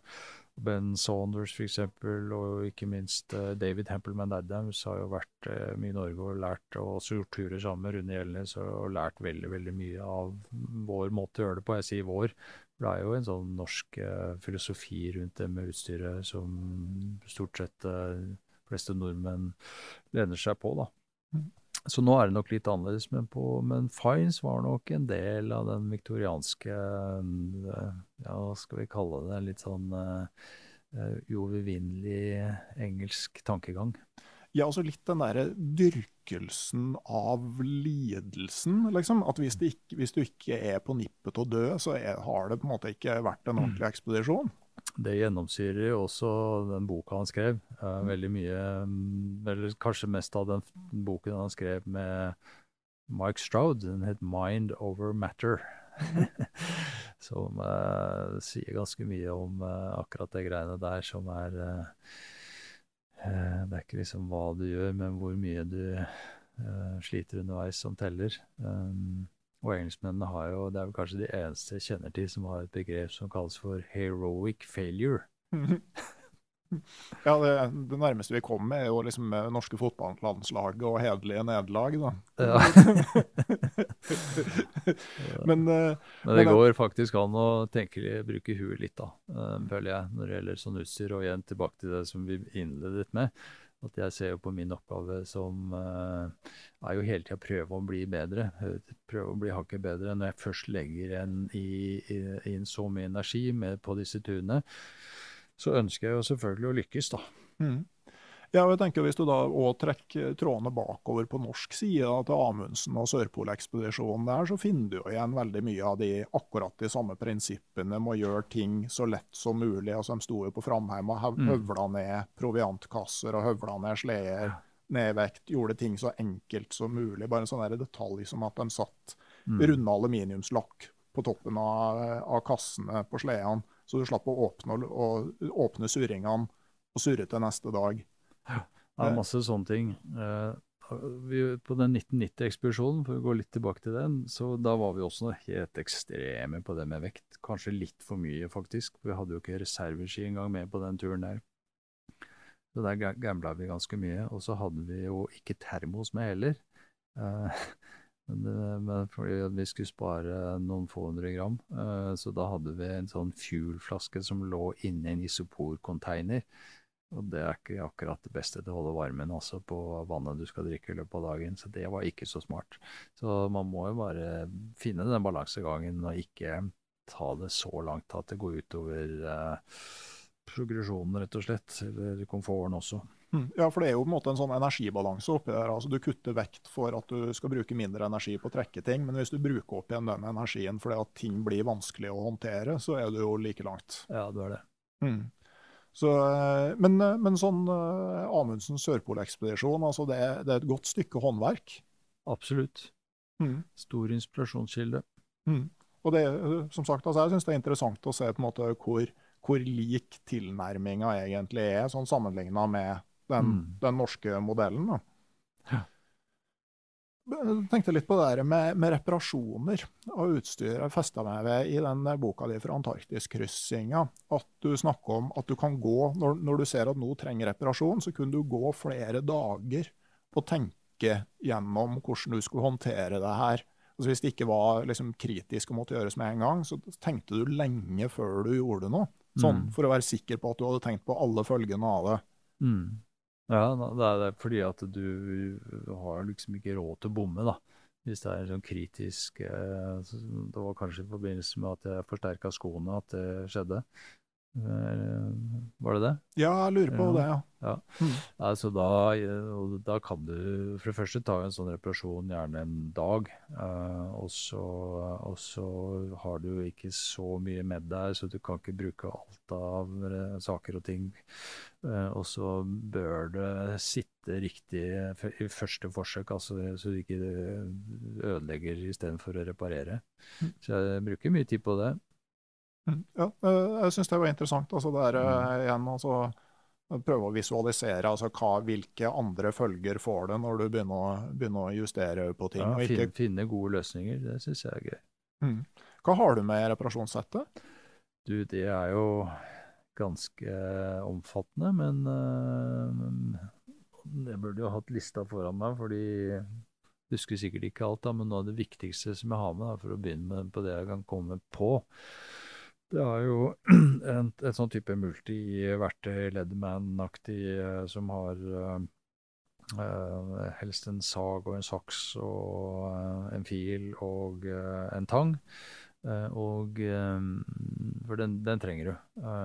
og så har jeg med tre bor, håndbor i tre forskjellige størrelser. Fordi det, noe av det viktigste du kan bruke for å reparere ting med, er jo fallskjermlin eller skolys eller noe sånt for å lage en fleksibel surring hvis staven brekker, eller kanskje også skia, så trenger du å kunne bore gjennom ting. Og fikse ting på den måten. Og også et Baufield-blad som jeg har med. Eh, F.eks. staven, da, hvis den knekker av, så kan du ta en snøplugg og dele den i tre. Og så kan du bensle den rundt det brukne området, og da har du en stav som varer hele turen ut. Og det er jo målet med reparasjonen, at den skal vare hele turen ut, så du slipper å gjøre om igjen. At det skal være bra nok. Den kan nesten være like god som ny, rett og slett. Eh, så har jeg med mye fallskjermline, eh, ekstra skolisser, sånne ting. Skolisser er egentlig fantastisk, for de gir så god knute. Uh, det sitter. Det er jo lagd for at uh, knuten skal sitte, mens fallskjermene er jo veldig sterkt, kanskje sterkere, men, men, det er mye glattere, da. Så har med aralditt, uh, som brukes av og til. Og teip har jeg med. Og da bruker jeg stort sett sportsteip fordi men det er også litt elektrisk teip, men sportsteip bruker jeg fordi den kan brukes både på kroppen og til å fikse ting som går i stykker med så har med sysaker eh, og litt forskjellige eh, stoffmaterialer eh, hvis man trenger å reparere teltet eller får en stor rift i jakka eller noe sånt noe. Og fingerbøl er jo også viktig å ha med i den sammenhengen. Og så har med litt forskjellige sånn skruer og mm, små bolter med muttere på. Og et kubbeskrujern som passer til disse skruene, og som også passer til bindingene på skia. Og det kubbeskrujernet har jo også en hull gjennom, og da kan du stikke det boret gjennom for å få større moment, for disse skruene er jo som regel festet med lim, så de sitter ganske godt. Og det Riktig skrujern til eh, bindingene er jo veldig viktig. Hvis du har feil type bits på det jernet, så ødelegger du skruene og får ikke bindingene opp, rett og slett. Ja, så har vi mye rart, da. Men mm. uh, kan jo anbefale de som vil vite mer, så er det jo en uh, annen podkast som Alexander Gamme lager, som har en uh, hel den heter Tur og tøys, og har en ja. hel episode uh, via til Ja, riktig. Jeg tror det er bedre, fordi det tar fort en halvtimes tid hvis jeg skal dra gjennom hele det skrinet, altså. ja, Men det er jo sånn der Altså, man skjønner jo at det ligger en øvelse bak her, hvor du på en måte har tenkt igjennom hva er det som kan gå gærent, og hva trenger mm. jeg for å reparere det? Ja, nå, og særlig de der lange Nordpolturene, så er det jo ofte at du ikke får inn Du kan ikke For det første skal du prøve å gjennomføre turen uten etterforsyninger, og det er jo ikke sånn fysisk mulig alltid å få, få noe levert. Og det koster jo hundrevis av tusen hvis du har glemt et eller annet. Så, så, det er mange elementer. Så det er greit å kunne reparere det selv. Mm. Jepp. Um, Litt ståltråd er jeg også med. Mm, smart. Eh, nå begynner vi jo da å eh, komme oss fram mot et nytt årtusen her. Mm. Uh, vi nærmer oss fort det, og da kommer vi jo til 2001. Uh, og jeg tenker altså, da, da krysser du Polhavet aleine. Um, og for min del så Altså, den turen der konkluderer på et vis Konkluderer en epoke på drøyt ti år hvor liksom veldig mye av utviklinga av utstyr og teknikker for ferdsel i polarstrøk blir, blir, satt Altså, Er du enig i at grunnprinsippene uh, i stor grad uh, ligger der når du uh, passerer 2001? At endringene etter det har vært mindre? Ja, i grunnen.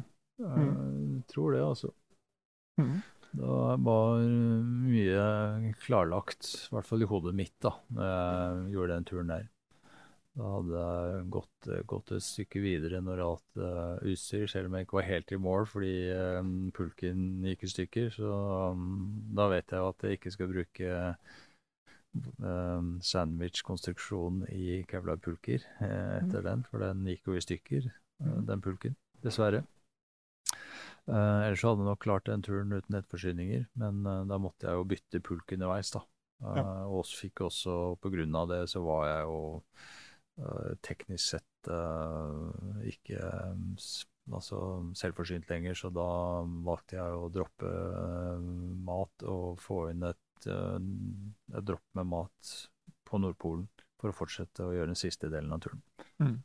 Ja, for jeg, jeg, tenker liksom sånn uh, Under forberedelsen til denne turen så virka det på en måte litt som at nå tar du all erfaringa di, eh, og så putter du liksom altså det, skal, det, er på en måte sånn, litt sånn mesterverket som skal, som skal, males her, med å krysse Polhavet eh, solo og unsupported. Altså, kan, du, mm.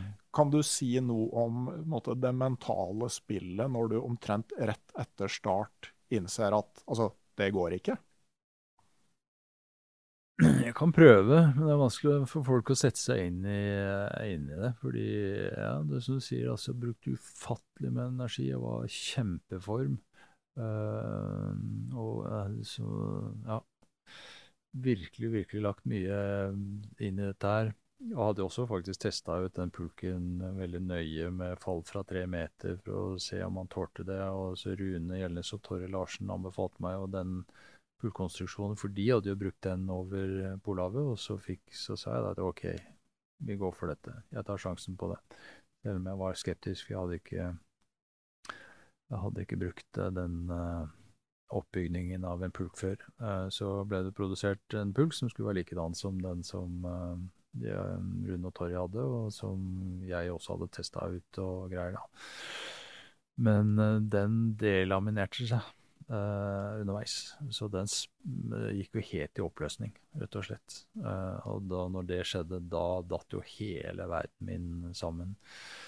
Uh, og da var jeg veldig, veldig i tvil, altså. Om jeg skulle fortsette videre med få inn pulker og mat og alt mulig rart, eller om jeg rett og slett skulle gi meg og prøve på nytt året etter. Men da valgte jeg det siste. Og Nei, det gjorde jeg ikke. Da valgte jeg det første. Og det var jo da også å få inn en ny pulk uh, og prøve å fortsette videre. Da. Så sånn var det bare. Så det var en realitet som jeg måtte leve med. Mm. Men det, det, må jo liksom Altså, når målet plutselig endra, altså du har psyka deg veldig opp på én ting, og så mm. blir situasjonen plutselig helt annerledes. Altså, det, det må jo være en, en mental utfordring? Ja, det var kanskje det største med den turen Altså, det er jo alltid på turer så er det ting som ikke går helt etter planen, men jeg hadde ikke sett den komme, eh, faktisk. Og, så det mentale på den turen ble jo mye, mye tøffere enn eh, jeg hadde regna med på forhånd. Så det var eh, store ja, følelsesmessige svingninger inne i teltet der eh, når det, når det skjedde. Altså, da hadde jeg ikke helt, hadde jeg ikke helt bra med meg sjøl. Mm. Men sånn utstyrsmessig så var det vel to ganske sånn store nyvinninger kan du si, på den turen der. Altså For det første så bruker du en vanntett drakt som du både kan svømme over åker i, og du kan krysse tynn is med mindre risiko. Og så tar du i bruk skiseil på Polhavet. Mm. Eh, begge de tingene er jo, eh, var nytt, så vidt jeg forstår. Ja, begge de tingene var nytt. En annen ting som var nytt også for den tidsperioden, øh, det var jo satellittelefon. Og det hadde jo Rune og Torry hadde jo med det på sin tur over Polhavet. Og jeg fikk også en uh, lånt en satellittelefon som jeg kunne ha med på den turen der. Så, så de tre tingene der var for så vidt sånn ny, nyvinninger på, mm. på, for den perioden der. Og den drakta, den uh, utviklet jeg rett og slett fordi Nettopp fordi jeg må liksom inn i problemet. Og, og så, så, kryss, råker og sånt er jo noe av det verste som er på Polhavet. Det isen deler seg, og så har du det svarte vannet, så må du det er, og det er farlig å stoppe fremdriften, og du må prøve å komme videre. Og da begynte jeg å fabulere litt på hva er isbjørner, og hva er liksom dyrene som lever oppi der eh, i tusenvis av år. Hvordan håndterer de det? Eh, og jo da, isbjørner de hopper uti og svømmer over. Det hadde jeg jo sett på, det tror jeg vi alle har sett på film et, en eller annen gang. Eh, så da tenkte jeg ok, kanskje jeg kan gjøre det samme. Og jeg var jo dykker og vant til å være i vann, så da fikk jeg lagd en tørrdrakt som jeg kunne ta på utenpå alt utstyret, på sko, utenpå votter og alt kunne jeg ha på, og så fikk bare dra inn en sånn lukkesnor, eh, og så hoppe uti og svømme over. Så den brukte jeg jo kanskje et par måneder på å utvikle sammen med Hansen spesialprodukter i Moss. Terje Gorm Hansen der hjalp meg jo masse med det.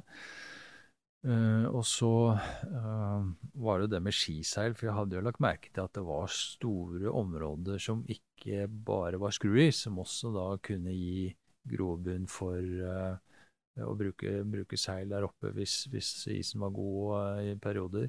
Og en av bakgrunnene for, det var jo også erfaringene fra Canada.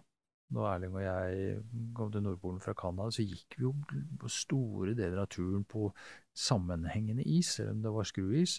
Og på slutten av året, eh, når eh, vær og vind har liksom føyka det til, så blir disse skrugardene fylt med snø, sånn at du faktisk kan både gå på ski og seile over mange av skrugardene. Tidlig i mars så er ikke det tilfellet, for da er skrugardene ofte det er litt for kantete, men seinere i sesongen, spesielt utpå slutten mot våren, så uh, blir det mye sn eh, sånne snøføyker og skavler som gjør at du kan faktisk uh, Det er nesten som å gå på ski på Hardangervidda. Og Perry han brukte jo bare hundesleder til Nordpolen i 1909. Og brukte jo også mye av de samme igloene på vei tilbake fra Nordpolen, så, så av og til så er det ganske rolige forhold der oppe. Og det med skiseil, det er vel Altså Perry han er jo, for litt sånn historisk, da, han er jo blitt beskyldt for ikke å ha nådd Nordpolen. Fordi han var liksom vanskelig å bevise, og han sendte hjem han Bob Barlett, som var uh, kaptein, og hadde liksom ingen til å verifisere dette her, da. Uh, og så har han blitt uh, kritisert Eller det er blitt trukket i tvil fordi han gikk noen dager sånn opp i sju-åtte mil, eller sånn ordentlig lange dager. Og så er det mange som har sagt det går ikke an å gjøre sånne distanser på Polhavet. Men jeg klarte jo over syv mil på én dag med skiseil, og hadde flere dager med 50 km med skiseil på Polhavet. Så jeg tror faktisk han som var så god med hunder, holdt på med hunder hele livet, eh, kan klare det, kunne klart det eh, når forholdene lå til rette for det, som jeg også tror det gjorde når jeg leser boka og ser at de brukte og fulgte ofte det samme sporet tilbake fra Polen, som betyr at de hadde veldig rolige forhold. Liten digresjon, men uh, ja. Den, Den sto faktisk på lista mi over ting jeg skulle spørre om. Nettopp det at du hadde en dagsetappe som du noterer at det er lenger enn Peris, og om du faktisk tror at han kunne klart det. Det er ja. interessant, for de, de, sier jo på en måte at han rapporterte helt andre dagsetapper enn det alle andre har gjort der oppe, men samtidig så reiste han jo på en måte som heller ingen andre har gjort. Stemmer. Mm. Og de som har kritisert ham for det, har ikke så mye erfaring som Perry hadde. Nei. Nei, kanskje, kanskje han Men om han var der eller ikke, det, det vet jo ikke jeg. Men jeg vet i hvert fall sånn distansemessig så var det innafor. Mm.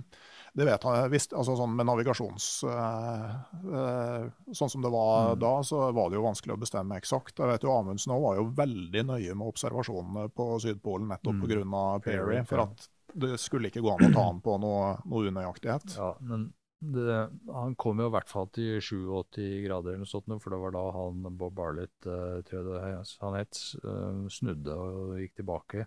Og da er det ikke langt til 90. Og mm. den, biten, den biten der, det er ofte den beste biten, sånn ismessig.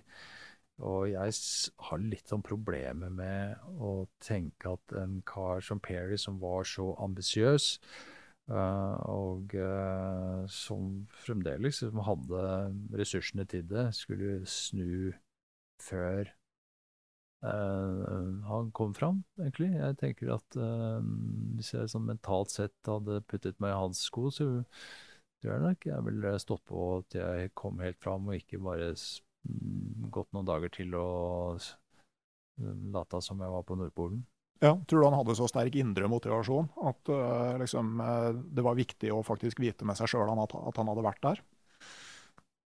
Jeg kjenner jo bare meg selv, mm. men, uh, så jeg ville jo i hvert fall ikke gitt meg før jeg sto på Nordpolen. Jeg ville ikke klart å leve med noe sånt noe, men um, så, så Det er jo aldri godt å si 100% men han holdt jo fast resten av livet med at han var på Nordpolen og National Geographic har jo i ettertid også analysert skyggene på bildene fra Nordpolen og funnet ut at vinkelen på skyggene eh, korrelerer med Nordpolens eh, solens høyde over horisonten på Nordpolen. Hmm. Interessant. Det er en del mysterier i, eh, blant eh, de gamle ekspedisjonene. Ja, Men eh, jeg tenker jo da, når når vi kommer her ferdig med 2001 altså På polene så er liksom de store og tydelige tingene er gjort. Altså, Du Erling Kagge kom eh, til Nordpolen, du gikk solo til Nordpolen. Rune og Torry kryssa Polhavet, Erling gikk til Sørpolen, du kryssa Antarktis. Altså det er på en måte Alle de veldig sånn tydelige utfordringene er tatt. Du kan ta nye rekorder, altså ting som er lenger og sånn, men, men, eh, men det kapitlet der er egentlig litt sånn avslutta når du kommer dit. Ja, på sett og vis. Bortsett fra den turen vi gjorde i fjor. Mm -hmm. Med å gjøre det på eh, Ja, altså, du, du, det blir jo en sånn årstidsvariasjon. Da, for at du, først så, eh, så var det jo eh, til Nordpolen i polarnatta med Mike Horn. At mm. du, planen var jo å komme fram og se soloppgangen på Nordpolen. Altså, det er en drøy tur. Ja, det er en drøy tur. Altså, jeg, jeg, skjønner at du på en måte kan ha begynt å tenke tanken. eller Var det, var det din idé, eller var det Mike som kom opp du, med det? Det var min idé, så det var jeg som spurte Mike om han ville bli med på den turen. Ja, Jeg har jo bare møtt han én gang, men jeg aner meg at han brukte ikke veldig lang tid på å si ja. Nei, han gjorde egentlig ikke det. Uh, så Nei, han, jeg husker ikke helt hvor lang tid han brukte på det, men uh, vi hadde en, en tur i uh, Tyrkia av alle steder. Vi dro til Tyrkia og gikk på ski. oppe i fjellene der. Uh, og liksom var der vi ble enige om at dette gjør vi sammen. da. Uh, og så og begynte å planlegge detaljene på den turen. da. Men uh, nei, ideen til den kom jo rett og slett fra og Da hadde jeg gjort såpass mye på Polhavet, hadde vært der tre ganger. og følte at jeg hadde lyst til å så, ja, se hvordan det var på den vanskeligste, kanskje verste årstiden av året å gjøre dette på. og Det var jo vinterstid. da, Se om jeg klarte å mestre også det. Og, og i og med at eh, den, denne nye LED-teknologien kom, og bedre batterier og sånt kom, så skjønte jeg også hvordan det kunne gjøres. Og når jeg skjønte hvordan det kunne gjøres, da var jeg solgt. ja, for jeg tenker at Hadde den turen der i praksis vært mulig å gjennomføre, la oss si sånn i 93? Jeg tror ikke det. Jeg tror ikke den har vært mulig å gjennomføre i 93. Nei, for, for du, du, må, ha en måte å ha lys på mm. uten at det blir for tungt? Ja da, du trenger jo lys for 1000 timer, og du trenger Jeg tror ikke de, jeg veit ikke om de hadde sånne batterier i 93, kan, kan tenkes, men, eh, men disse glødelampene bruker mye, mye mer energi enn LED-lamper, eh, sånn type ting. Så jeg tror det ville vært vanskelig, altså. Mm. Men, eh, men, eh, du og Mike Horn, eh, sånn som personligheter, like eller forskjellige? Forskjellige. Mm. Hvordan da? Han kommer jo for det første fra en helt annen verden. Han kommer jo fra Afrika og er jo mer vant til å være i jungelen. Og kommer fra en annen kultur, annen, andre måter å gjøre ting på og tenke på. Og han har et mye mer sånn sydlandsk temperament. Jeg er jo, mye mer sånn ekstrovert type, uh, mens jeg er jo mer uh, introvert og, og uh, nordisk i lynne, ikke sant. Også, og, og, kanskje den som liker å planlegge og mm, ikke slippe ting før jeg vet at jeg har noe som duger, mens han bare kjører på og liksom bare drar uten nødvendigvis å planlegge så mye. I hvert fall har han gjort det hittil. Så vi, jo, vi, var jo veldig forskjellige, men en av grunnene til at eh, jeg, jeg, spurte han Jeg kjente jo han fra sektortiden da, på 90-tallet, vi hadde samme sponsor. Så traf, vi traff hverandre der nede, og vi øh, hadde jo veldig sånn stor respekt for hverandre. og liksom kjente jo veldig godt til hva vi hadde gjort uh, hver for oss. og, og, og og en sånn tur vinterstid til, til, Nordpolen, da visste jeg jo også at da må du ha med en som klarer å holde eh, med motivasjonen oppe over lang nok, lang nok, tid. Da kan du ikke være uenig om målet. Da, da kommer den derre eh, 'Dette kan vi klare, dette tror vi på'. Da, den, da kicker den inn. Og den må vare helt til du kommer fram. Og det er gjerne ved sånne store korsveier at uenigheter oppstår. Og du kan godt dra på tur på Hardangervidda med en eh, kompis som sitter og klager, og så er dere venner etterpå, men det går ikke på en sånn lang vintertur til Nordpolen, fordi det er så mentalt krevende at du, du klarer Du har nok med deg sjøl. Du klarer ikke å trekke lasset for to. Du kan ikke liksom backe opp kompisen din i tillegg til deg sjøl. Det, det går ikke. Så, så, det mentale var én ting. Og så var det også det at han hadde jo vist han hadde, at han klarte bare helt utrolige eksplosjoner tidligere. Og sånn fysisk og mentalt så hadde han det inne, og kom jo også fra en annen verden. og, og med nye innspill, og her var det ikke noe, noen å spørre om råd og sånne ting, så her måtte vi planlegge og føle oss frem litt i blinde. Og da mente jo jeg at vi hadde større sjanse til å klare det når vi eh, på en måte ble tre, da. Eh, fordi vi hadde så forskjellig bakgrunn. Mm. Ja. Eh, men eh, hvordan håndterte dere liksom, de personlighetsforskjellene? For Var det noe bevisst tanke rundt det?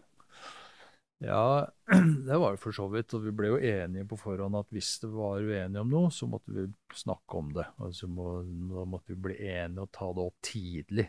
Um, og det var jo uenighet underveis. og han er, han er, mye mer sånn temperamentsfull enn meg. Og jeg kan være litt sånn uh, Hva heter det ordet? Ikke, ikke akkurat uh, ufin, men uoppdragen. Det er det det betyr. jeg er ikke det som sier unnskyld nødvendigvis, ikke sant. Det kan være sær og sta og, og sånne ting. Så, så, det er jo litt kulturforskjeller inne i bildet her. Uh, da, men når det skjedde, da sant, så, man, blir man irritert på hverandre. Det kommer jo alltid sånne situasjoner. og Da sitter, sitter vi nede i teltet og så snakker vi gjennom det, og det gjør vi om kvelden. Og hvis vi har en eller annen sånn utblåsning om morgenen eller i løpet av dagen fordi vi blir irritert av en eller annen grunn, så tar vi ikke det der og da da tar vi det om kvelden. For da får, får vi, da vi begge ha tid til å gå og tenke på det og roe litt sånn ned mentalt. Og temperaturen synker litt i huet. Og så kan vi sitte der også med å snakke om det. Så hvorfor sa du det, og hva mente du med det? Og, ja, og så blir vi enige, rett og slett. Og sier unnskyld hvis det er det som skal til. Eller og ja, det var litt dumt, jeg skulle ikke sagt det på den måten. Og mente ikke det sånn, og det var fordi og så, sånn og sånn og sånn. Mm. Ok, Og så har du to turer sammen med en annen kar, Thomas Olerich. Uh, og jeg tenker det første dere vel gjorde sammen, var kryssing av innlandsisen i Patagonia i 2003. Mm. Men Thomas har litt mer sånn alpinist-klatrertilnærming, ikke sant? Ja, han er jo klatrer, egentlig. Var jo en av de beste klatrerne vi har i sin tid. Første bestigningen av Zero Torre vinterstid, og klatra også teknisk veldig vanskelige ruter. Og er jo fra Sveits og var en god alpinist eh, på ski, jeg også, eh, i sin ungdom. Jeg tror han var på ungdomslandslaget i Sveits. Så han var, var, veldig god på de tingene der, da. Og så, så han kom jeg i kontakt med fordi um, han har jo da hadde norsk kone, Åsta, fra Stokke i Vestfold. Uh, så han var stadig vekk i Norge. Og så, og så, kontaktet han meg fordi han, se, han, ville at jeg skulle se på noen sånne skjermer, uh, skiseilgreier og sånt han hadde. Så vi traff hverandre på et sånt jorde utenfor Drammen og prøvde de. Og så var det jo han som da foreslo at vi kanskje skulle dra på tur sammen og krysse den, den der sydlige patagonske innlandsisen. Uh, og som jeg for så vidt hadde tenkt på tidligere.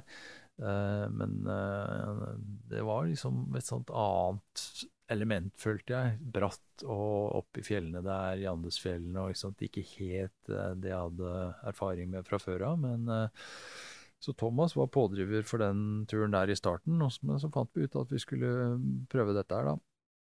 Eh, og, da gikk vi virkelig grundig til verks for å finne ut hvordan vi skulle gjøre det. Og det var jo ingen som hadde kryssa den breen i hel sin lengde i en go. Uh, og det må jo være en grunn til det, tenkte vi, fordi det var flere som hadde prøvd.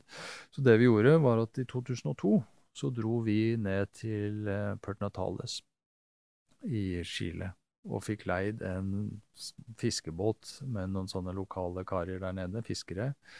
De kunne verken lese eller skrive, og det var et eventyr i seg sjøl å være på den båten der. Eh, men den båten, med den båten der så dro vi oppover kysten. Og så dro vi inn i disse dype fjordene i, eh, på stillehavskysten av Chile og inn i, mot breen. Og så gikk vi opp for å undersøke hvordan de forskjellige vanskelige passasjene var, for å lære hvorfor dette her var så vanskelig, og hvorfor ingen hadde klart det før. For det sto ikke sånn helt sånn sylskarpt eh, for oss. Og vi snakket også mye med lokalbefolkningen om vær og vind, tid på året og sånne ting. Så, så, så, den turen der, det la grunnlaget for det vi gjorde året etter. Uh, hvor vi klarte å krysse hele greia. Så, det, så, da fant vi jo ut hvordan vi skulle gjøre det. Mm. Og, og, det var egentlig sånn to sånn hovedelement som var avgjørende på den turen der. Det ene var at vi gjorde det om vinteren, eller august. Vi starter i august, som er da senvinter der nede. Fordi da er og det var noe, vi, noe vi lærte av å snakke med disse lokale Puerto Edno og Puerto Natales og disse små landsbyene der, at uh, om vinteren så er atmosfæren kald på både Atlanterhavssiden og Stillehavssiden.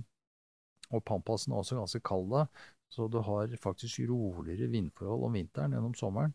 For om sommeren, når Pampasen blir oppvarmet, så får du et sånt enormt løft av luft der, som er med å suge vinden over Andesfjellene, så du har veldig, veldig kraftige vinder. Eh, og det andre var at her måtte vi ha detaljert satellittinformasjon, for det er sinnssykt mye dårlig vær selv om vinteren. Og eh, vi måtte gå i dårlig vær. Eh, vi måtte gå i nullsikt, og da måtte vi vite nøyaktig hvor vi var. Så da kjøpte vi sånne Landsat-bilder som vi fikk med gradenett på. Som er jo rett og slett et bilde av bakken som ser ut som et, egentlig et kart med gradenett, breddegrader og lengdegrader, og hadde GPS. og da kunne vi tegne inn ruta gjennom disse sprekkområdene. For det er sinnssykt med sprekker i, på den der breen der, og også veldig mye svære brefall. Uh, men uh, ved hjelp av dette her så gikk vi i blinde på GPS med disse her uh, satellittkartene våre, og klarte da å ha progresjon allikevel. Og så var det noen sånne crux som vi måtte over, som tok litt lang tid. Ja, det var bl.a. en voldsomt lang rappell, men jeg husker. Ja, det var jo det som mm, Folk hadde jo brukt lang tid på den breen ellers, men akkurat det stykket der var det ingen som hadde klart å komme over. Fordi eh, det var nesten sånn uovervinnelig fjellpass med svære isfall og bratte greier. Så de andre som hadde prøvd det, de hadde enten tatt helikopter eller uh, gått ned til fjorden og rundt og på baksida. Så, men vi skulle nå prøve dette her, da. Så vi klarte å komme ned i det der brefallet, som var livsfarlige greier. Men all, hele Jeg tror det var tolv kilometer eller noe sånt som vi kryssa, og det tok to uker. Og vi lå Og da, da kunne vi ikke gå i blinde, for det var bare så mye greier. Så da lå vi ofte inn i teltet på været og det var storm etter storm etter storm, og så kom vi til slutt i posisjon på det fjellet som heter Cerro Mayo, og hadde jo 400 meter tau og trodde det var nok, men det var jo ikke nok engang det. Det, det var 600 meter vi måtte rappellere ned. Og så da måtte vi jo kutte opp reserveskia vår og gikk tom for uh, festemidler, rett og slett. For vi måtte jo bruke tauet flere ganger nedover. Men da gravde vi ned ski og vanntettbager som vi fylte med snø, og lagde sånne ankre oppi disse bratte fjellsidene, og så rappellerte vi ned. Og mens vi holder på med det, så løsner hele sida på siden av oss, og så kommer det bare et sånt enormt isras og bare feier med seg ruta like nedover der. Så det var jo dritfarlig, hele greia. Men vi klarte jo å komme ned til slutt, da. Men er det sånn du da tenker når du ser på en måte hva risikoprofilen faktisk er på det? Altså Hadde du lagt ut på det hvis du hadde visst på forhånd hvor farlig det faktisk var?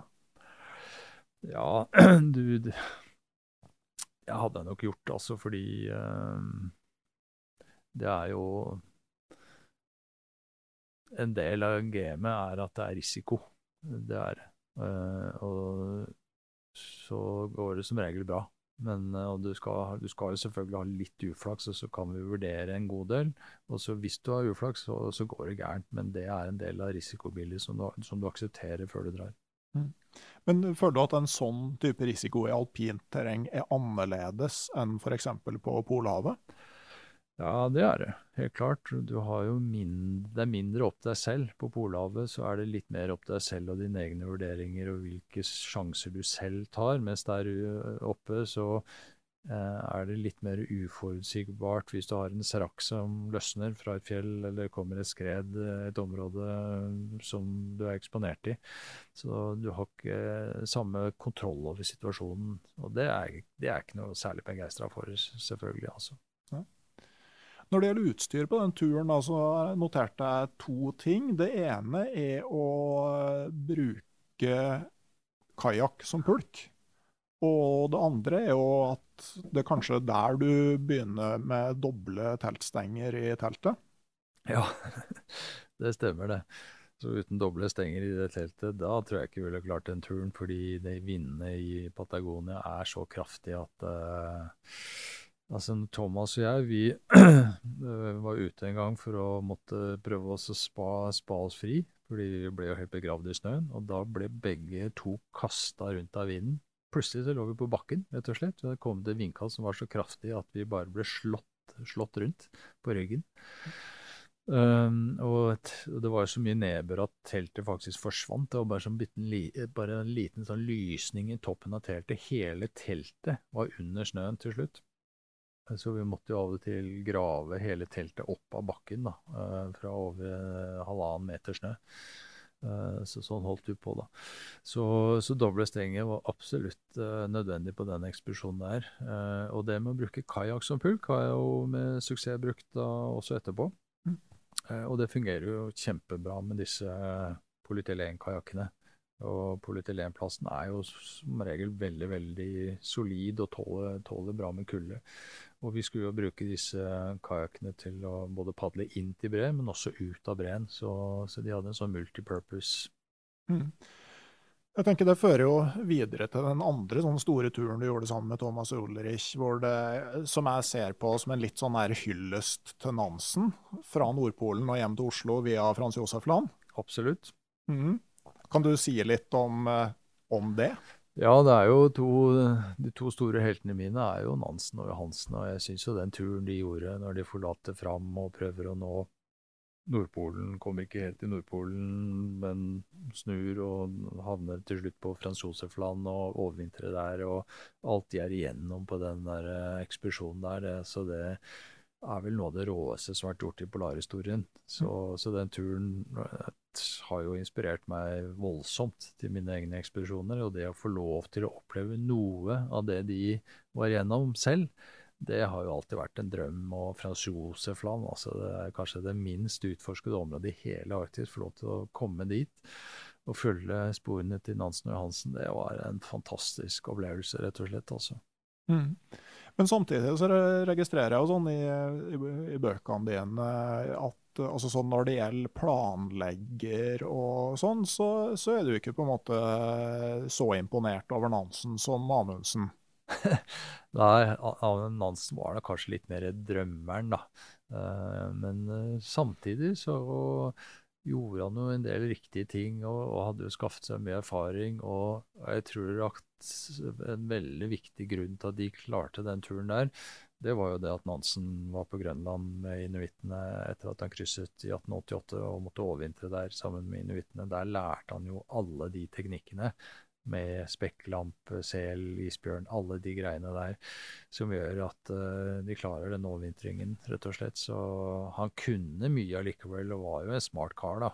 Uh, og så er det jo litt den tiden, ikke sant. Dette her Amundsen kom jo etterpå. Han hadde jo lært igjen av Nansen. Og dette her var den turen til Nansen. Han hadde Grønland før, og så hadde han jo vært på isen med selfangst og sånne ting. Men det var jo ikke så veldig mange å trekke veksler på på den tiden. så han det er fort gjort å kanskje kritisere han, eh, men så, han klarte likevel brasene, altså. Ja. Man må se det litt i lys av den tiden han levde i, og hvilke utstyr som var tilgjengelig. Men det at han gikk med én skistav, f.eks., det fremdeles det stiller jeg litt spørsmålstegn med. Ja, altså Kanskje at man ikke tidligere på turen begynte å forberede seg på at det kunne bli nødvendig å, eh, å gå til Nordpolen og begynne å planlegge det framstøtet der. Eh, og, og, teste seg fram til ting som fungerte, sånn at du slapp å dra tre ganger fra båten før du kom deg i vei. liksom. ja. Men, men, jeg ser for meg på en måte sånn altså Amundsen var jo polfarer, punktum.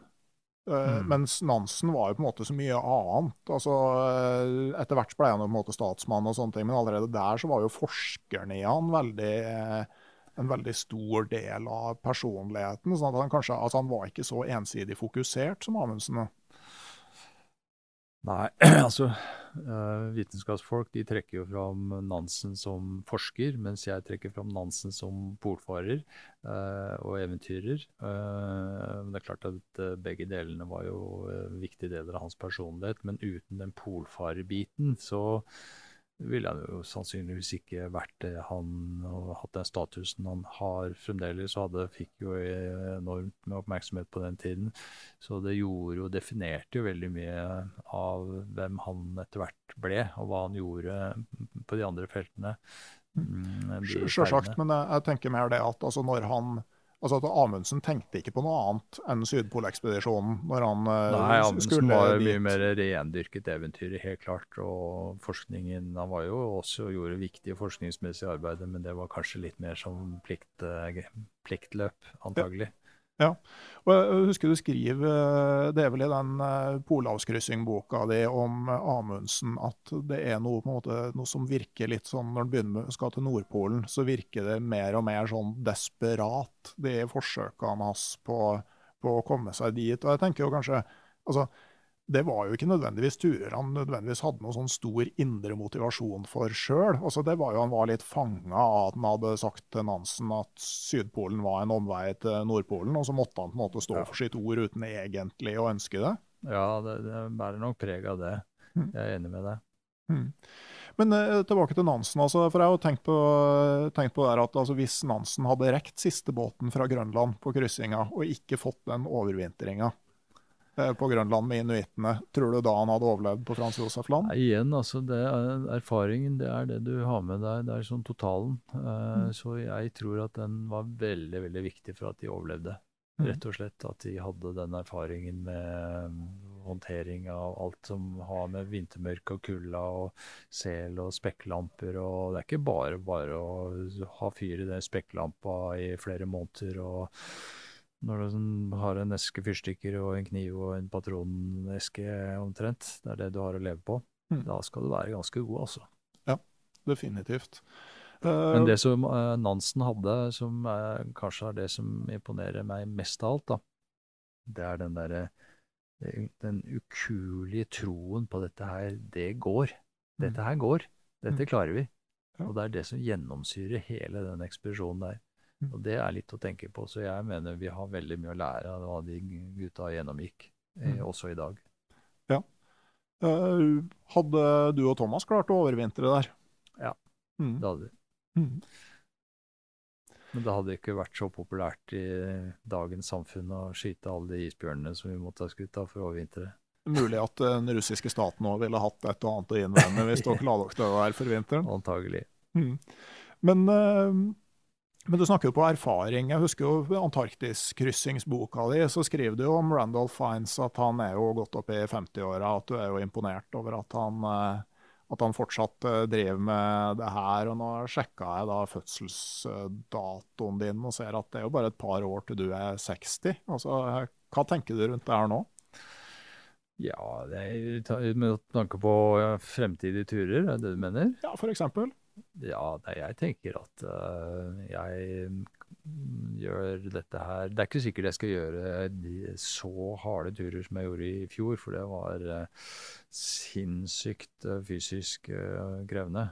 mentalt også, men kanskje mest av alt fysisk. Kanskje en av de mest fysiske turene jeg noensinne har gjort, var den turen i fjor. Mm. Aldri vært så sliten noen ganger. så det er ikke sikkert jeg skal gjøre flere sånne turer, men jeg tenker at de, de store Altså, en av grunnene til at jeg gjør disse ekspedisjonene, er jo de store opplevelsene jeg får underveis. og det er så det høres litt sånn grandiost, kanskje, men det er bare sånne store, skjellsettende følelser som blir satt i sving, og opplevelser. Og når du ligger der til slutt og ikke kan bruke beina lenger, så er jo de tinga der man eh, lengter etter å tenke på. Mm. Um, så jeg tror jeg fremdeles kommer til å gjøre ekspedisjoner, og så er det kanskje bare å gå litt saktere, da. Ja, og så er det jo noe med at man blir jo Du snakker jo på det med erfaring. Man blir jo smartere òg. Altså, jeg har jo en far som begynner å bli godt voksen etter hvert. Men han har jo på en måte f.eks. svart belte i å få flytta på ting uten å bruke krefter. Altså han skal få en drive og grave ut ei grøft ved hytta ikke sant? og komme borti en diger stein. Og De fleste vil tenke på hvordan får vi den her opp, men han graver jo bare da et stort høl ved sida av den og vipper den ned i det.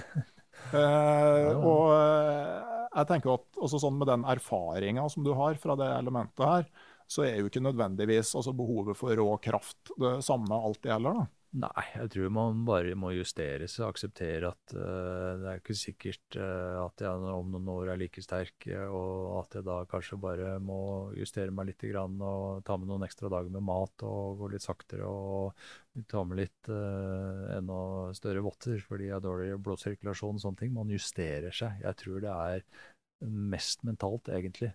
Mm.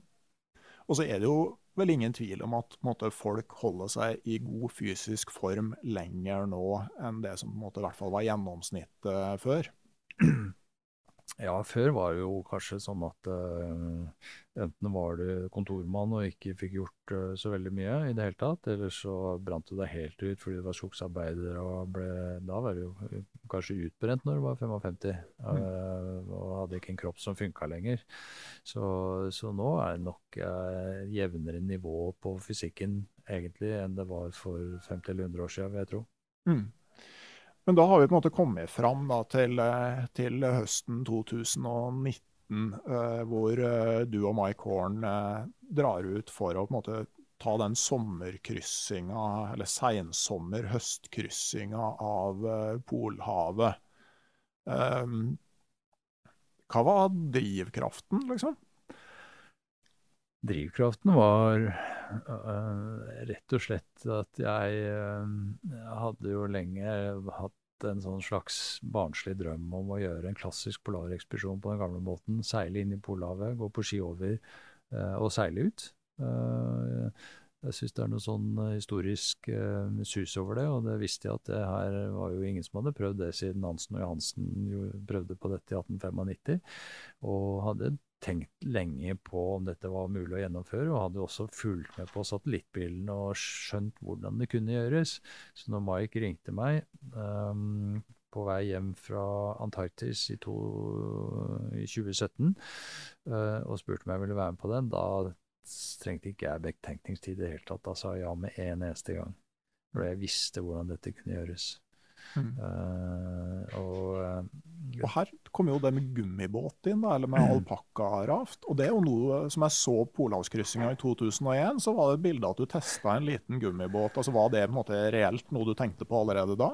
Ja, da, jeg tenkte på det allerede da. Uh, men da Uh, tror jeg ikke alpakka Den var jo lett og fin, den uh, gummibåten der, for så vidt. Og flyvere har jo alltid hatt en sånn gummibåt under setet. Uh, men jeg valgte, jeg valgte, bort den rett og slett fordi det tok så lang tid å pumpe opp og sånne type ting. Mens nå så tok vi og valgte noen svære mm, pulker, og så var jo disse alpakkagreiene I 2001 så måtte jeg jo spesiallage den, fått uh, spesiallaget denne måten her, og det var liksom ikke helt utprøvd. Mens nå så hadde jeg prøvd det i Alaska med Vincent Colliard. I, uh, når vi kryssa Stikain, så brukte vi jo denne alpakkabåten når vi padla ut ut den store Steakine River. Så jeg kjente båten, visste hvor lett den var og hvor solid den var. Og nå hadde vi jo en pulk som var så stor at båten kunne ligge ferdig oppblåst hele tida. Mm. Så det var litt av clouet her. For det må være effektivt hvis det skal funke. Mm. Og den er jo genial, den drakta, men eh, det, det, er bare litt for mye energi som går med til å ta den av og på og svømme over osv. Mens hvis du har en gummibåt som ligger ferdig oppblåst, tar av to stropper, og så putter den på sjøen og padler over, og så drar pulken etter deg, det er veldig effektivt. Ja, for jeg, jeg prata med Bengt Rotmo, som møtte dere på slutten, og snakka på da han liksom så de ispartiene som dere kom over der. Eh, det var jo sånn, eh, sånn, is som man ikke ville tro det var mulig å ferdes på i det hele tatt. Ja. Nei, den var veldig, veldig bra, altså. Vi hadde jo faktisk med svømmedrakt på tur nå. Mm. Men uh, jeg hadde på den bare én gang, jeg. Og det var når vi gikk ut på en kjempe, kjempesvær åk som var veldig tynn, og vi hadde jo håpet at vi skulle komme over. Eh, men vi snudde, og da tok jeg på midt ut på den råka tok jeg på meg drakta for å gå ut for å sjekke videre og hvordan det så ut lenger uti der. Men ellers så brukte vi ikke den drakta, altså. Vi brukte bare denne, disse pack-raftene. Mm. Så det var utrolig effektivt. Og vi ville nok ikke klart den turen uten de greiene der. Nei, med utstyret fra 94 så hadde ikke den uh, turen her vært gjennomførbar. Nei. Mm. Eh, vi har sittet lenge nå, Børge, og eh, familielivet mitt driver og roper på meg. Eh, det begynner å tikke mot henting i barnehagen. Jeg kunne ja. sitte i to timer til og prate om det her, men da hadde jo foredraget ditt begynt òg, så det går jo ikke. Jeg skal hente et barn i barnehagen og hjem og få med det andre ned igjen hit på foredrag. Mm. Men uh, jeg tenker uh, den jobben som dere har gjort uh, på, på, den norske metoden. På, på, å gå på ski i kalde områder. Eh, det er nok noe vi andre som, eh, som, drar på fjelltur med pulk og ski, merker ganske mye til i, i dag. Jeg tenker jo sånn, Blant annet at i dag kan du stikke i butikken og kjøpe et par varme, gode skisko med plass til kartanker. Altså det, det liksom, må jo være litt artig å se tilbake på. Ja, det, er, det har vært en rivende utvikling. Og jeg syns det er jo veldig morsomt å ha vært med på hele den der reisen på, fra starten av den moderne polarhistorien og fram til, til, nå. Og også alltid likt å jobbe med utstyret. Og finne gode løsninger. Det er det som jeg syns er gøy. Så ja, og jeg har jo satt navnet mitt på litt av hvert som Den kommer faktisk i butikken nå, eller i løpet av januar, er det vel. En ny dress samme som jeg hadde på Nordpolen, med norrøna, og nye votter. For det er litt mangelvare i markedet på. Ja, det var jo sånn da norrøna fjerna den derre eh, grønne, grønne trønderbunaden. Eh, den, eh, altså, det å få tak i lange jakker, romslige jakker. Mm. altså at motebildet kom og liksom tok funksjonaliteten litt der ei stund. Men det kommer nå. Mm. Nå kommer jeg med en kollisjon hos Norrøna med jakke, bukse, botter, lue og ansiktsmaske. Mm. Så det blir kjempebra. Ja. Men uh, av det du har på en måte lært, da, for de, hva er måte, det viktigste tipset til dem som skal ut og bli glad i vinterteltlivet? Ja, for det første er jo å sette en dato, komme seg ut og prøve seg litt uh, på det. Og så er det jo sånne små praktiske ting da, som å ha uh, store nok sko sånn at du ikke fryser på beina, bruke ullundertøy uh, som gjør at du holder varmen på, på, kroppen, og ha store, gode votter og ullvotter og sånne ting. Så er det et bitte lite tips til som jeg lærte Eh, som jeg ikke hadde med i 94, men uh, årene etter, og uh, alltid med på tur. Og det er dunvest. Dunvesten som gjør at du klarer å regulere temperaturen underveis uten å måtte ta av jakka for å ta på en genser til. Du kan du bare ta på dunvesten på utsiden av norakken. Den kan ligge på toppen av pulten eller i toppen av sekken, så den har jeg alltid med meg. Og det er et utrolig sånn takknemlig og allsidig verktøy å bruke. Mm. Tusen takk for at du ville stille opp her, eh, Børge. Det var eh, veldig, veldig interessant. Takk for det. Ja. Hyggelig å være her. Til slutt så skal jeg bare si tusen takk til dem som er patrions for eh, podkasten Uteliv, som bl.a. har vært med å utarbeide spørsmål til dagens episode. Det er veldig hyggelig at det i skrivende eller sigende stund begynner å nærme seg 70 stykker som betaler et fast månedlig frivillig abonnement for å støtte produksjonen av podkasten Uteliv. Jeg har òg begynt å få litt momentum på eh, e-boka som jeg har lova dere om eh, Canada-turer. Eh, så det nærmer seg også stadig. Ellers er det bare å si tusen takk for nå, og så kommer det en ny episode av podkasten Uteliv om ei uke. Ha det bra!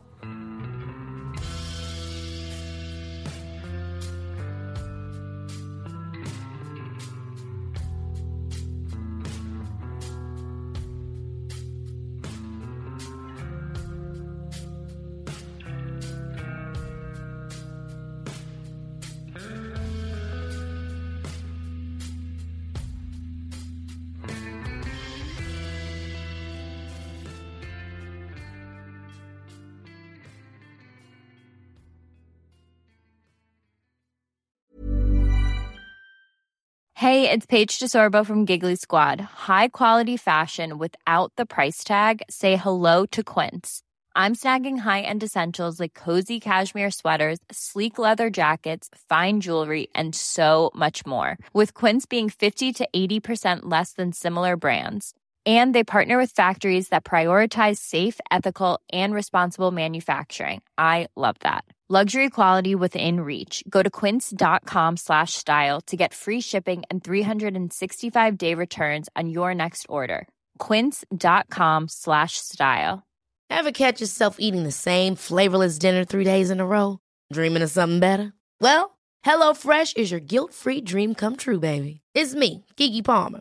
Let's wake up those taste buds with hot, juicy pecan crusted chicken or garlic butter shrimp scampi. Mm. Hello? Fresh.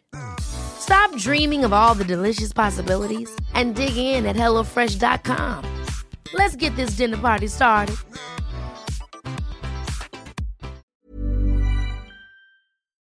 Hei, jeg heter Nore Helligsen og er daglig leder i Barents Outdoor. Det beste vi kan gjøre for planeten, er å redusere forbruket vårt og få mer ut av det utstyret vi allerede har. Men vi vet av erfaring at bruken av telt kan endre seg over tid. Det teltet du kjøpte for to år siden, passer kanskje ikke det behovet du har i dag. Derfor har vi i Barents etablert en egen panteordning der vi tar imot brukte telt av god kvalitet i innbytte når du kjøper et nytt av oss. Prosessen er enkel. På barentsoutdoor.no gir det oss informasjon om teltet du vil bytte inn. Basert på det får du et tilbud fra oss som gir deg rabatt på ditt neste Barentsprodukt. Mer info og betingelser finner du på barentsoutdoor.no. Og husk at den første reparasjonen på produkter fra Barents er alltid gratis.